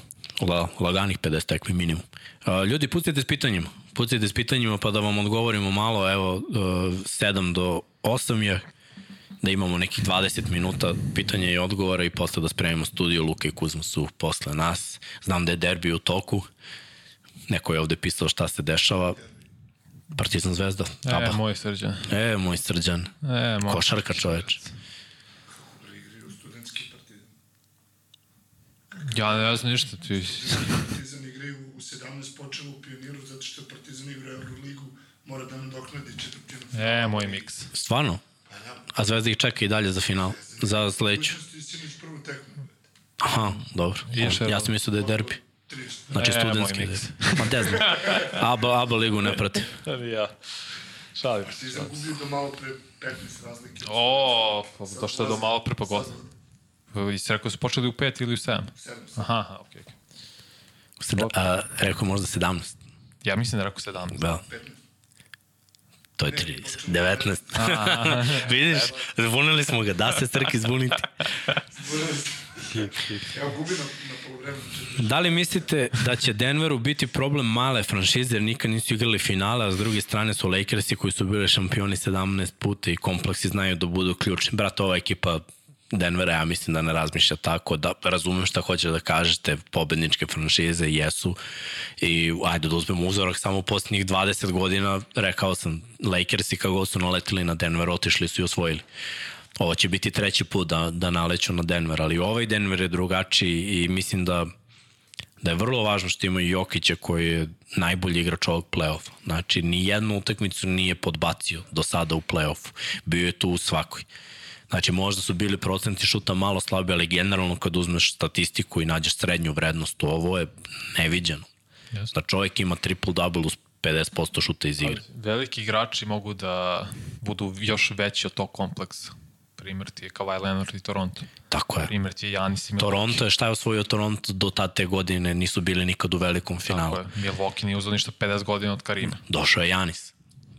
Veliki igrači mogu to da... Ja stvarno verujem da je Jokara veliki igrač Just. i da može ove godine. Znači, uh, nisam ni jednom trenutku sumnjao u njega, sumnjao sam u ostatak ekipe, ali nekako, ono, kad vodiš po primjeru, Jokara ne priča mnogo, tako mi deluje na terenu. I imao je jednu scenu na, na klupi kada je izgoreo. I mislim da je ta scena bila uh, preko potrebna za ostatak igrača Denvera. Kad su videli njega koji je uvek ono miran i sve da je izgoreo na klupi, da se izdrao tu, ali ne izdrao kao da je nekog usudio, nego da ih pokrene. Jer nekad je to potrebno. Nekad najbolji igrač mora da pokrene ostatak ekipe. I, i deluje mi da oni mogu dosta. Sad, pišu ljudi ovde da pocenjujemo Lakers, mi uopšte ne pocenjujemo Lakers-e, ne kažemo da nemaju šanse da uzmu ovo, možda je ovo malo navijački, ne možemo da budemo 100% objektivni, jer mislim, ja ne mogu navijam za Denver. Lakersi mogu da dobiju ovu seriju. Ključ je da igrači oko i klupa Denvera podbace a da klupa Lakersa odigra na visokom nivou. Dešavalo se u ovom playoffu. Lakers igraju dobro kod kuće. Ali, tako je, u ovom playoffu. Da ne uzimamo regularni deo jer nije bila ova ekipa Lakers Tako. u pitanju. Ali kad uzmem regularni deo da razmatram samo, znam da je Denver samo Denver da pogledam u regularnom delu. Znam da su imali brutalne tekme protiv jakih protivnika i da su znali da, da se nose sa svim problemima. I oni imaju toplo-hladno momente. Uopšte, mhm. Tim se zove studentski centar derbi. Da, da, da, studentski centar je srce Da. Znam, znam, to znam, toliko znam, nego ne pocenjujem Lakers, kažete. Mislim da je ovo domet za ovaj tim. Ja sam stavio u finale konferencije, samo ja volim Lakers, navijam za njih. Sam mislim da je Denver kompletni i malo bolji tim, da je Isto. sad njihov moment. Pričali ste o problemu čuvanja Jokića, šta mislite o Jokićevom čuvanju Davisa? Hoće li to biti problem? Davis i Aiton nisu isto, nisu. Davis igra dobro ovaj playoff. E sada, znaš šta, ono što se meni svidalo je da se Jokić pokazao dobro i solidno kao defanzivac u ovom play-off.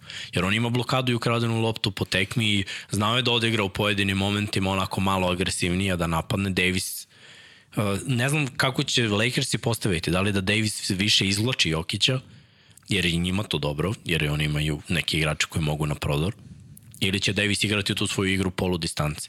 Mislim da Davis nije naletio na igrača kog može, on Jokića neće uterati u koš.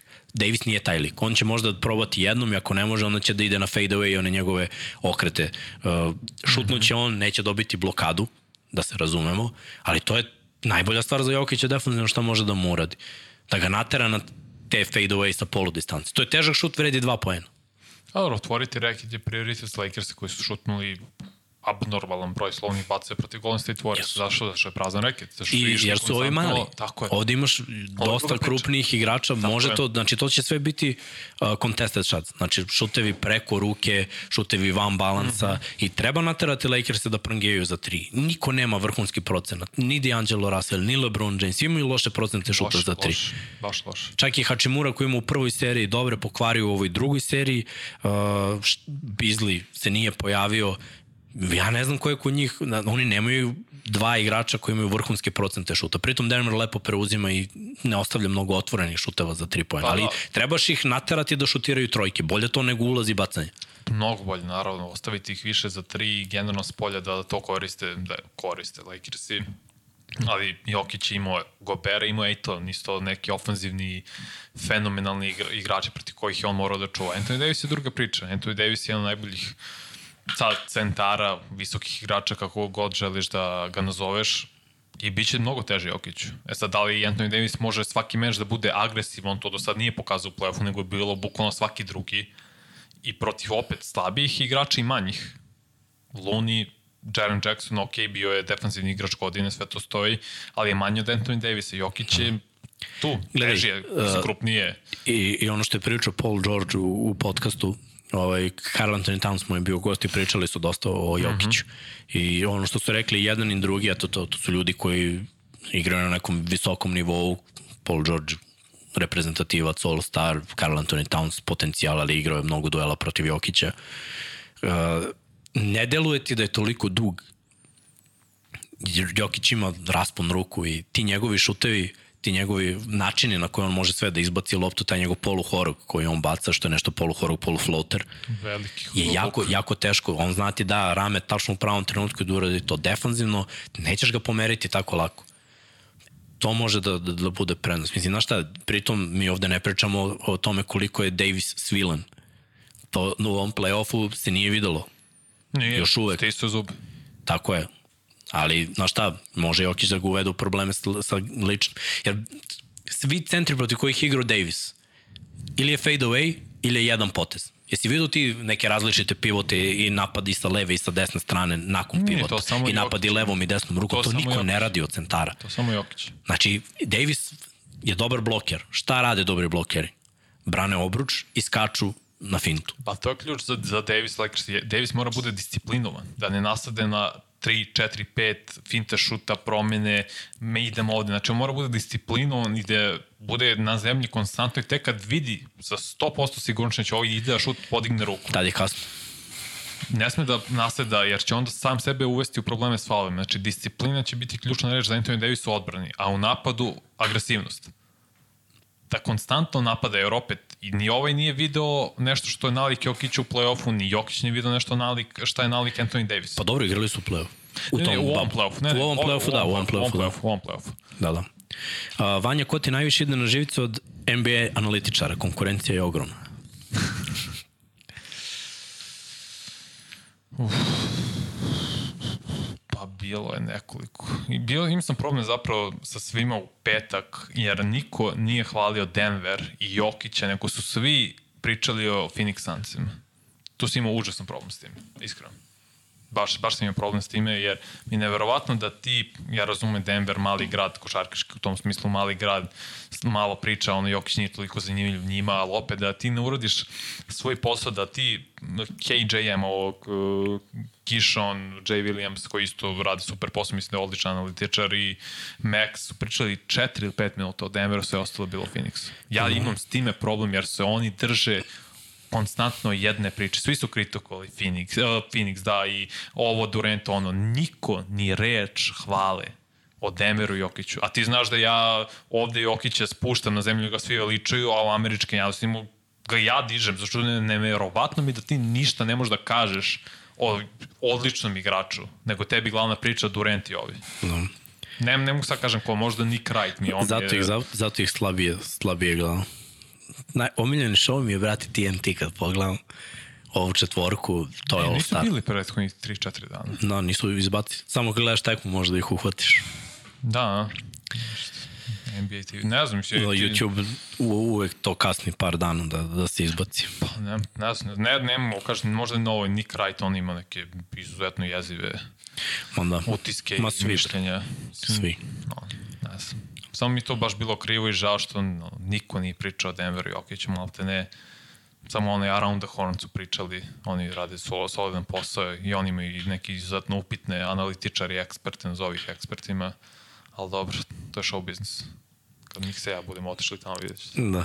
Imamo, za, zašto, uh, pitanje zašto je Tatum bio na klupi da se ne povredi a rekord na franšize Bostona je 54. Pa nije bilo potrebe i nije samo povreda, nego treneri generalno ne vole kada se jure individualni uh, rekordi. Možda ti rekordi ne treba nikada da budu oboreni. Drugačije je drugačije je neko Okolnosti. vreme, mnogo se više šutira i znaš šta, ostaće upisano i ovih 51 Tatumovih Najviše u utakmici broj 7 ikad. Tako je, ali ovaj od 54 mo- možda i treba da, da ostanu ti rekordi. I sigurno, naročito kad je blowout utakmica, da držiš najboljeg igrača, to, to se jednostavno ne radi. Postoje neke stvari, ono kao posljednji napad kad te svi puste, ne ideš da daš koš i ono, neke rekorde ne obaraš. Mislim, imao je, Clay imao jednu tekmu gde je za 3 tri četvrtine plusno 60, izvukli su ga igre, nije igrao do kraja, bio je blowout. Kako je šutirao na toj tekmi, jedan promašaj imao. Oborio bi verovatno onaj Kobijev. Brate, Kobijev rekord mora stoji. Mislim, znaš, nije rekord je Chamberlainov, ali Sto, da. čak ni ne želiš da se obori ni ovaj Kobe, želiš da ostane tu za vijek i To vijekova. su neka nepisana pravila. Ja mislim da su i odi, od, kad su ih izvadili 3,5 minuta do kraja meča su izašli starti. Ja mislim da je to bilo previše dugo što Dobre, bilo je sve vreme 20 Otišao je u stavi, razlike, bih 20 plus. posle 6 minut, posle poluvre, to je to, posle 6 minuta u smislu da se ne povredi, nema potrebe. Da. Ne zbog onog, nemoj da oboriš rekord, to ako se desi, desi se u nekim okolnostima gde je svaki poen neophodan, baš kao Kobe je 80 to je bio tesan meč protiv Toronto Raptorsa. Nije bilo blowout, bilo je neizvesno, pa zato bilo neophodno. Ja sam imao problem sa Bukerovih 71 protiv Bostona, jer su oni počeli da prave faulove nad igračima Bostona da Bukeru daju još napada. Da, da. To mi se ne sviđa. To me razlika. Dosta pitanja za duel Jokića i Davisa. Da li može Jokić da bude izmoren pa da mu bude slabiji procent na šuta? Bi, biće izmoren i jedan i drugi. Mm. I jedan i drugi. Znači, to će delovati na obe strane. Ne može ni Davis da igra vrhunsku odbranu i onda da da vrhunski napad. Jer Jokić će ga izmori ti, ovo što Vanja rekao, to, ta strepnja jer Jokić igra inteligentno i igra instinktivno. On na potez de, ra, na jedan potez on odrađuje drugi potez. To, to su neki instinkti koje imaš uh, u svakom sportu. Kao, kao u borilačkim sportovima, ja mogu da kažem iz, iz američkog, kako oni odreaguju, ti kao napadač ne radiš nešto na pamet dva, tri poteza vezano, nego kreneš sa prvim i onda čekaš njegovu reakciju. Na njegovu reakciju ti već radiš drugi potez. Jokić je jedan od redkih centara koji radi to. Svi imaju neki plan šta će da urade i rade to i veruju najbolji napad rešava najbolju odbranu. E sad ti kao defanzivac ne znaš šta on radi, ti iščekuješ te poteze. To je mnogo teško i to, i to baš umara. Tako da verujem da će biti izmoreni i jedni i drugi. I Jokić i, i Davis. Zato su klupe, po mojom mišljenju, vrlo važne. Hoće li Monte Williams otići u bakse? Vidjet ćemo, mislim, ima smisla za njih. Da li je ovo kraj dinastije Golden State-a? Ja mislim da nije. Ja mislim da jeste. I mislim, sledeće godine zapad će biti kompletniji, bit će zdraviji. Biće tu, nadam se, i Zion, nadam se i ako ostane Minnesota u ovom sastavu, neće Karl Anthony Towns propusti 50 utakmica, mislim će kao Paul George, nadam se opet biti zdraviji. Dosta ekipa isto ide u neke mini, mini neke promene rostera, da ne kažem rebuild. Onako, pola-pola. Biće neizvestno. Pritom svi znamo da igraju regularni deo s pola gasta. To je tek, Da. to ti je te, narođe do veteranske ekipe. Veteranske ekipe je bitno samo da uđu u playoff. I onda posle toga ne znaš šta, šta da očekuješ od njih. Mogu da dobiju svakoga i ne more.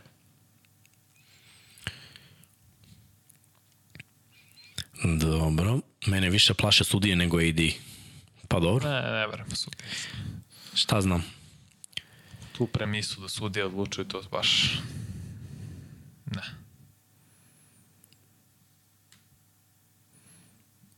Ili ima još? Ima, da ima, ima dosta. Najbolji koleđ, koleđ, najbolji ovaj prospekt iz srednje škole, quarterback eh, Dylan Raviola izabrao Georgiju da ide tamo, tako da on, to je dobro. To će biti više za jedna jedan, ovo mi sad stiglo obaveštenje. A i sin od Rodmana. Sin od Rodmana, da, je otišao zajedno sa ovim Bronijem i ovim KJ Wagnerom u, u, na USC. Lepo. Biće on lepo pratiti njih. Šta mislite o ovome što se Šek smejao Davisu za povredu u petoj utakmici? Da li je Liga danas previše? Sa Borazerom mi se smejamo za sve. Znači, kada vidim, čak i ovo kad nisu povrede, kada Hardena i Embiida vidim da se valjaju po terenu i da flopuju, užas, užas, ja to ne podnosim, ne, ne mogu. Znači, mogu da prihvatim samo da je neko dobio udarac i onda da padne, ali mislim i tako ustaneš, a ove povrede Davis je, što se toga tiče, užas. Dositej Tomašević pita da li sam se bavio repom. Nisi me pomešao u Borazeru, jesam. Bio, bio je to uh, period moje mladosti. Mladosti i ludosti. Jeste gledali sinoć isto analitičare koji sve vreme pričaju da je Embiid dogurao do maksimuma, da je mnogo gori roster Fili i tako dalje. Nisam ja to nigde vidio. Ni ja. Iskreno. Mislim, dobro, ja sam gledao utakmicu i onda posle samo sam pogledao te konferencije i... Ne znam koje su pričali, ja sam Da, da, da. ovi na ESPN-u isto pričali, tako, ni jutro su, ono, ispratim uz neki has uvek, ali nisam nigde to vidio. Maš Nije gori roster. Mogu vam pričati što hoću, mislim, i vidim im oči. To je još jedan šart. Igra im je oči. Bolje vidim nego što čujem. Tako je. Igra im je, igra im je očaj, da krenemo od toga i podbacile su nešto kao To neko isto ovde napisao u komentarima i u pravu je u potpunosti. Čoveče, ti kao uh, nismo dovoljni Harden i ja, pa jeste dali 60-70 pa da pričaš da, tako. Kao Booker i KD. Od njih da su oni Oni daju njih 80 dvojica- i onda da kažu ok, nismo imali podršku. Tako je. Brate, vi ste podbacili kao, to je e, egocentrici, i jedan i drugi, ne znam, ne znam šta je gore. Toliko, toliko im je ego velike da ne vide ono ispred nosa, razumeš šta im. Užas. Da li Dončić ide iz Dallasa? Pojma, nemam, ali ne, ne isplati se njima, to, to je lica franšiza. 2025. ide u Denver. Luka Dončić. Da pamte što sam ti rekao. 25. Nakon naredne sezone. Znači, možda 24 na 25. Dobro. Možda već tad. Ali aj kažem 25. Upisano. Seki upisao tamo u time code ćemo da stavimo. Upisano. Austin uh, Reeves, faktor serije. Pa možda da bude, ali ne mislim da, da je to... Uh, postoje faktori i postoje X faktori. Ti si jesi stavio ovde Reeves X faktor serije, da, to je jedan od nepredvidivih, mada on je prilično konstantan. Možda očekuješ uvek između 15 i Da, 20. i onda samim tim nije X faktor, ne očekujem da će dati 30. Mislim da nema teorije da on da 30. Ali X faktor mi je D'Angelo Russell, možda da 0, 2, 5 i možda da 20. Hachimura sklupe, da, opet 25. No. To, isto To su mi X faktori. Neko je to, mislim da to baš Jay Williams pričao, koji inače imao super college karijeru na Duke-u, žao mi što NBA nije imao bolje zbog povreda ili šta već imao neke probleme. Ti od svojih super zvezde, od svoje super zvezde očekuješ u play-offu dve utakmice da ti donese.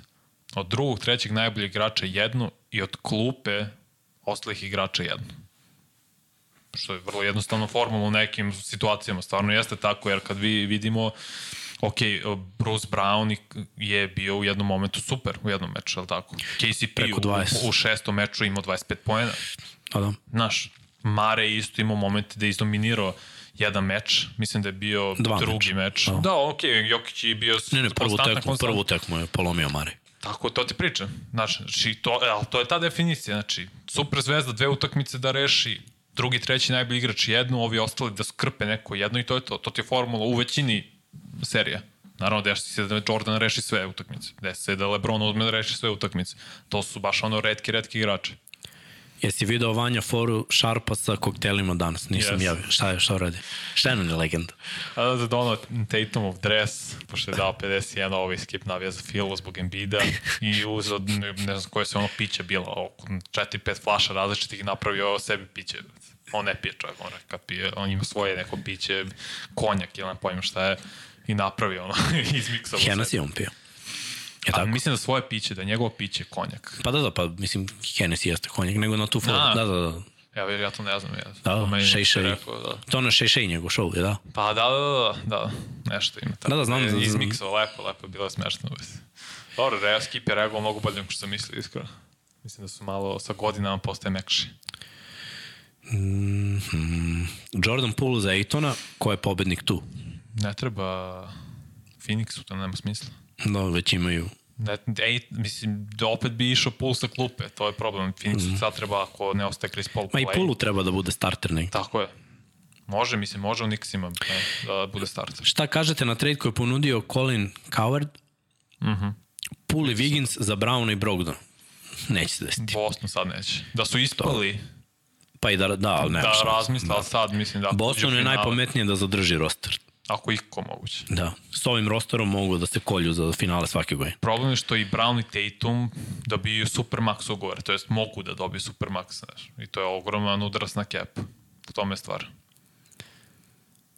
Bogdanović je na utakmici Partizana, dovedite ga u podcast. Ajde, Vanja, zove drugara. E, pa nisam da Beograd, iskreno. To, to su Srke i Vanjini. Ljudi se druže s NBA i zvezama, ja ovde ništa. Nisam, nisam, nisam znao da je Bogdan. Uh, da li i kako Denver može da zadrži Brusa Browna sledeću sezonu? Ma, B- Brown želi da bude tu, to je ono što sam ja uh, čitao i slušao u komentarima. Bilo je priče da u momentima kada je tražio novi tim, kada je došao ovde da se pronašao sa Mike Melonom, mislim da je to vrlo važno, da je Mike Melon njemu rekao da će mu naći ulogu uh, da je ovo pravi tim za njega i mislim da su uklopio nekako, donosi energiju, gotivi se sa ekipom i to se vidi. Te stvari nećeš naći na drugom mestu. Ti možeš da dobiješ šansu da budeš starter, možeš da dobiješ kintu, ali da budeš deo zajednice i tima, ja mogu vam kažem iz nekog ličnog iskustva da, da je to mnogo lepše nego bilo šta kad se pronađeš u nekom timu.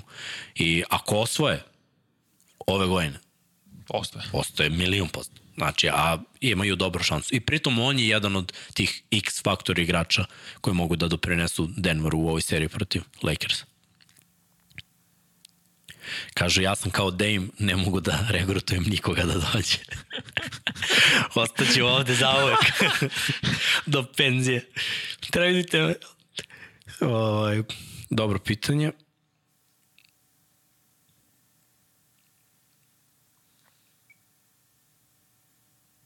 Dobro, dobro, dobro. Ajmo ljudi još par komada, pa da se pozdravljamo. Da vidim da li sam nešto propustio. I od onih Haslem Miami X Factor. Znači. Pa, ako krene da šamara, mada sad je tu Jimmy da preuzme ulogu.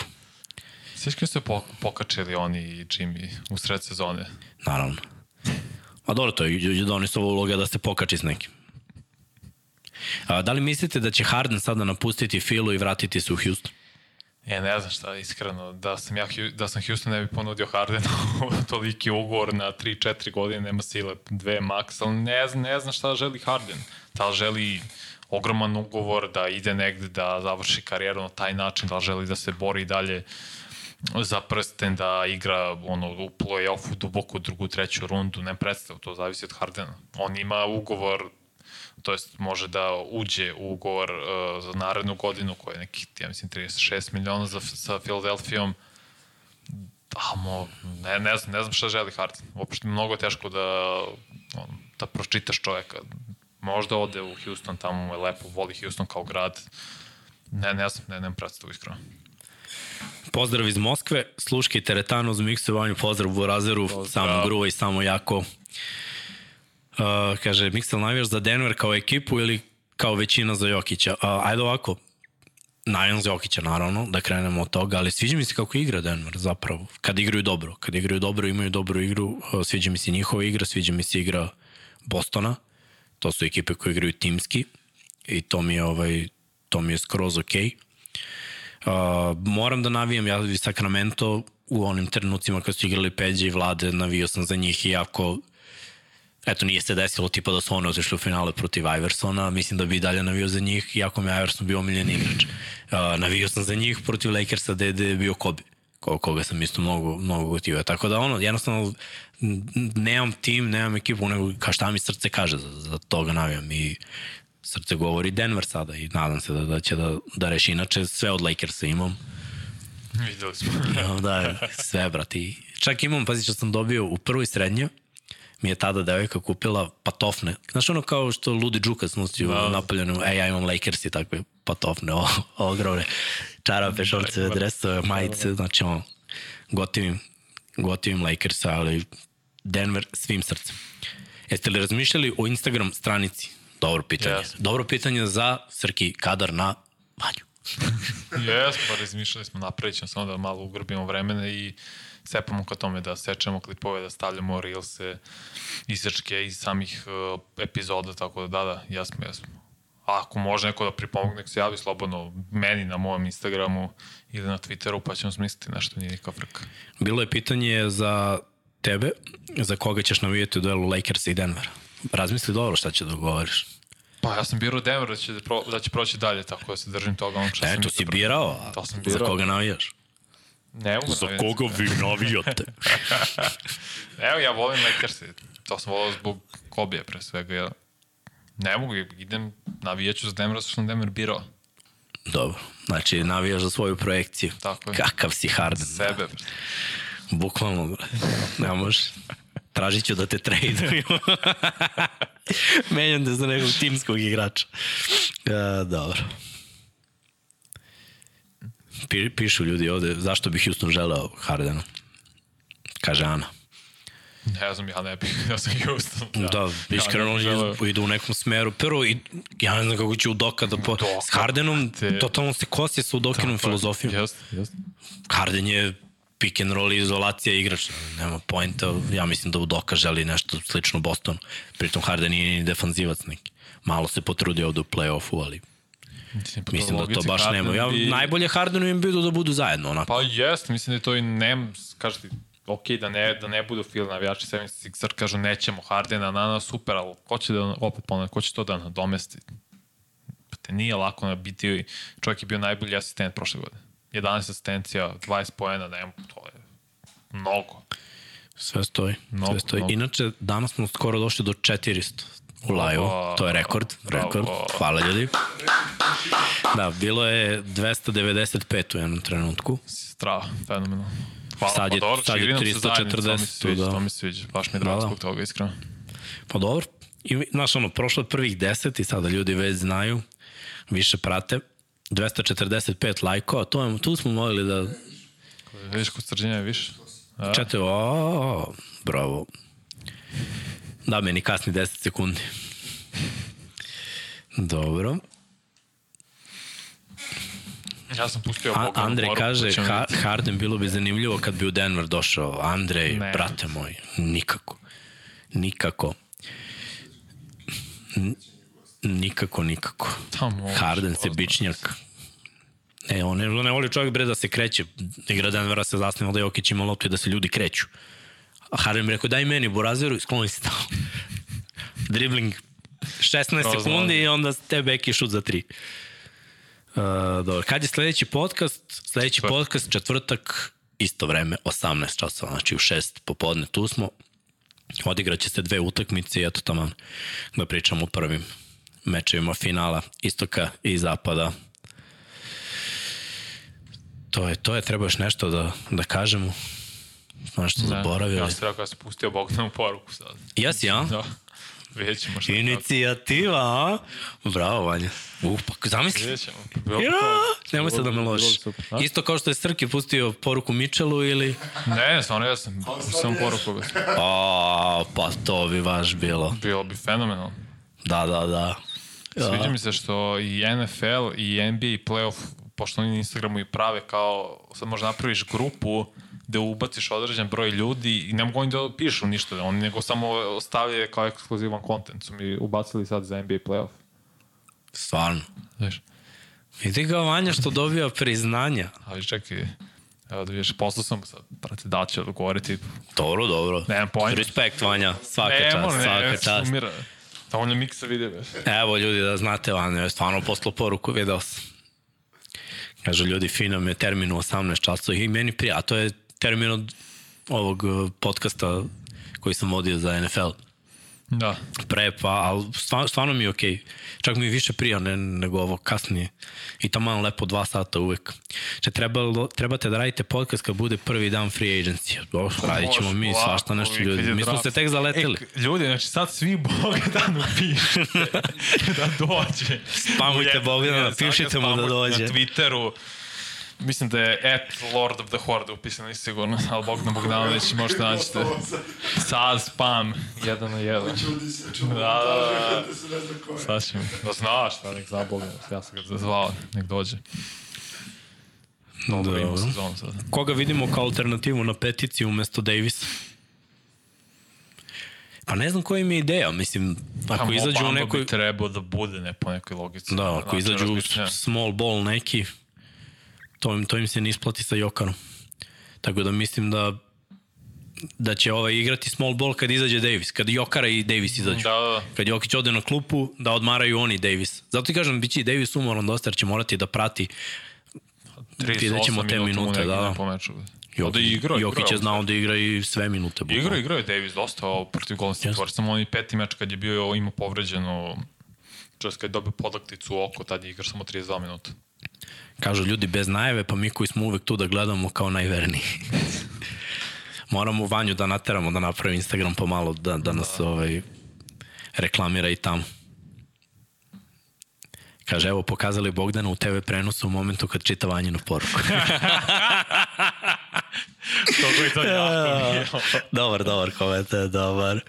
Ovaj, ništa ljudi, hvala vam što ste ispratili ovaj podcast, hvala vam što, što raste ova zajednica i mi smo imali ideju stvarno da napravimo ovo. Vidim da se dosta novih ljudi uključuje, da je dosta tu pitanja da li ćemo raditi regularni deo. Da, ideja je postala godinama samovanja, jednostavno nismo mogli da uklupimo naše obaveze, uvijek je bila ovaj, želja da, da on i ja radimo NBA podcast i krećemo sa tim, radit ćemo i tokom leta takođe o svetskom prvenstvu, o mm -hmm. aktuelnostima vezanim za košarku generalno, ne samo za NBA, ali da, fokus jeste prvenstveno NBA liga. Još jednom da vas pozovem, ako niste do sada, subscribeujte se na naš kanal, jurimo što više uh, subscribera, blizu smo 25.000, to je neki mali jubilej, tako da ako niste, podržite ovo što radi ekipa ako volite auto, motosport i NFL takođe možete da nađete i Waterpolo na našem kanalu uh, te podcaste. Uh, Vanja i ja smo tu 99 yardi u američkom futbolu. Uh, takođe bih vas pozvao ako ste u mogućnosti da podržite ekipu preko Patreona, Srki će na kraju ovog klipa pustiti sve naše pokrovitelje na Patreonu, vi ste naši prvi sponzori, bez vas ljudi sve ovo nema point. I naravno da se zahvalimo i Admiral Betu, našim sponsorima koji su to od prve emisije, radimo i dalje da pronađemo još sponzora, da spojimo nekako tu kulturu košarke, uh, muzike, grafita, ulične neke umetnosti i da nekako sve to vratimo u neko ono vreme ja kažem kad sam ja bio mali kako je sve to izgledalo da, da bude malo kao što je bio End One kaže jelovanja kod od Luke i Kuzme ta je Vanja Taj se. Ali Vanja iz našeg studija, pa je onda bio kod Luki i Kuzme. Uh, uglavnom imam ovde pohvale i to je to, ja bih odjavio Vanja nešto za dodat. Ne, ne, to je to ljudi. Zajednica raste da spamujte sad Bogdan kako izašao iz pionira, to je Aleksandar Nikolić, tako da idemo da ga natremo da dođe. To. U jedan na jedan. Srki, spremi Patreon, ljudi, veliki pozdrav i vidimo se u četvrtak u šest.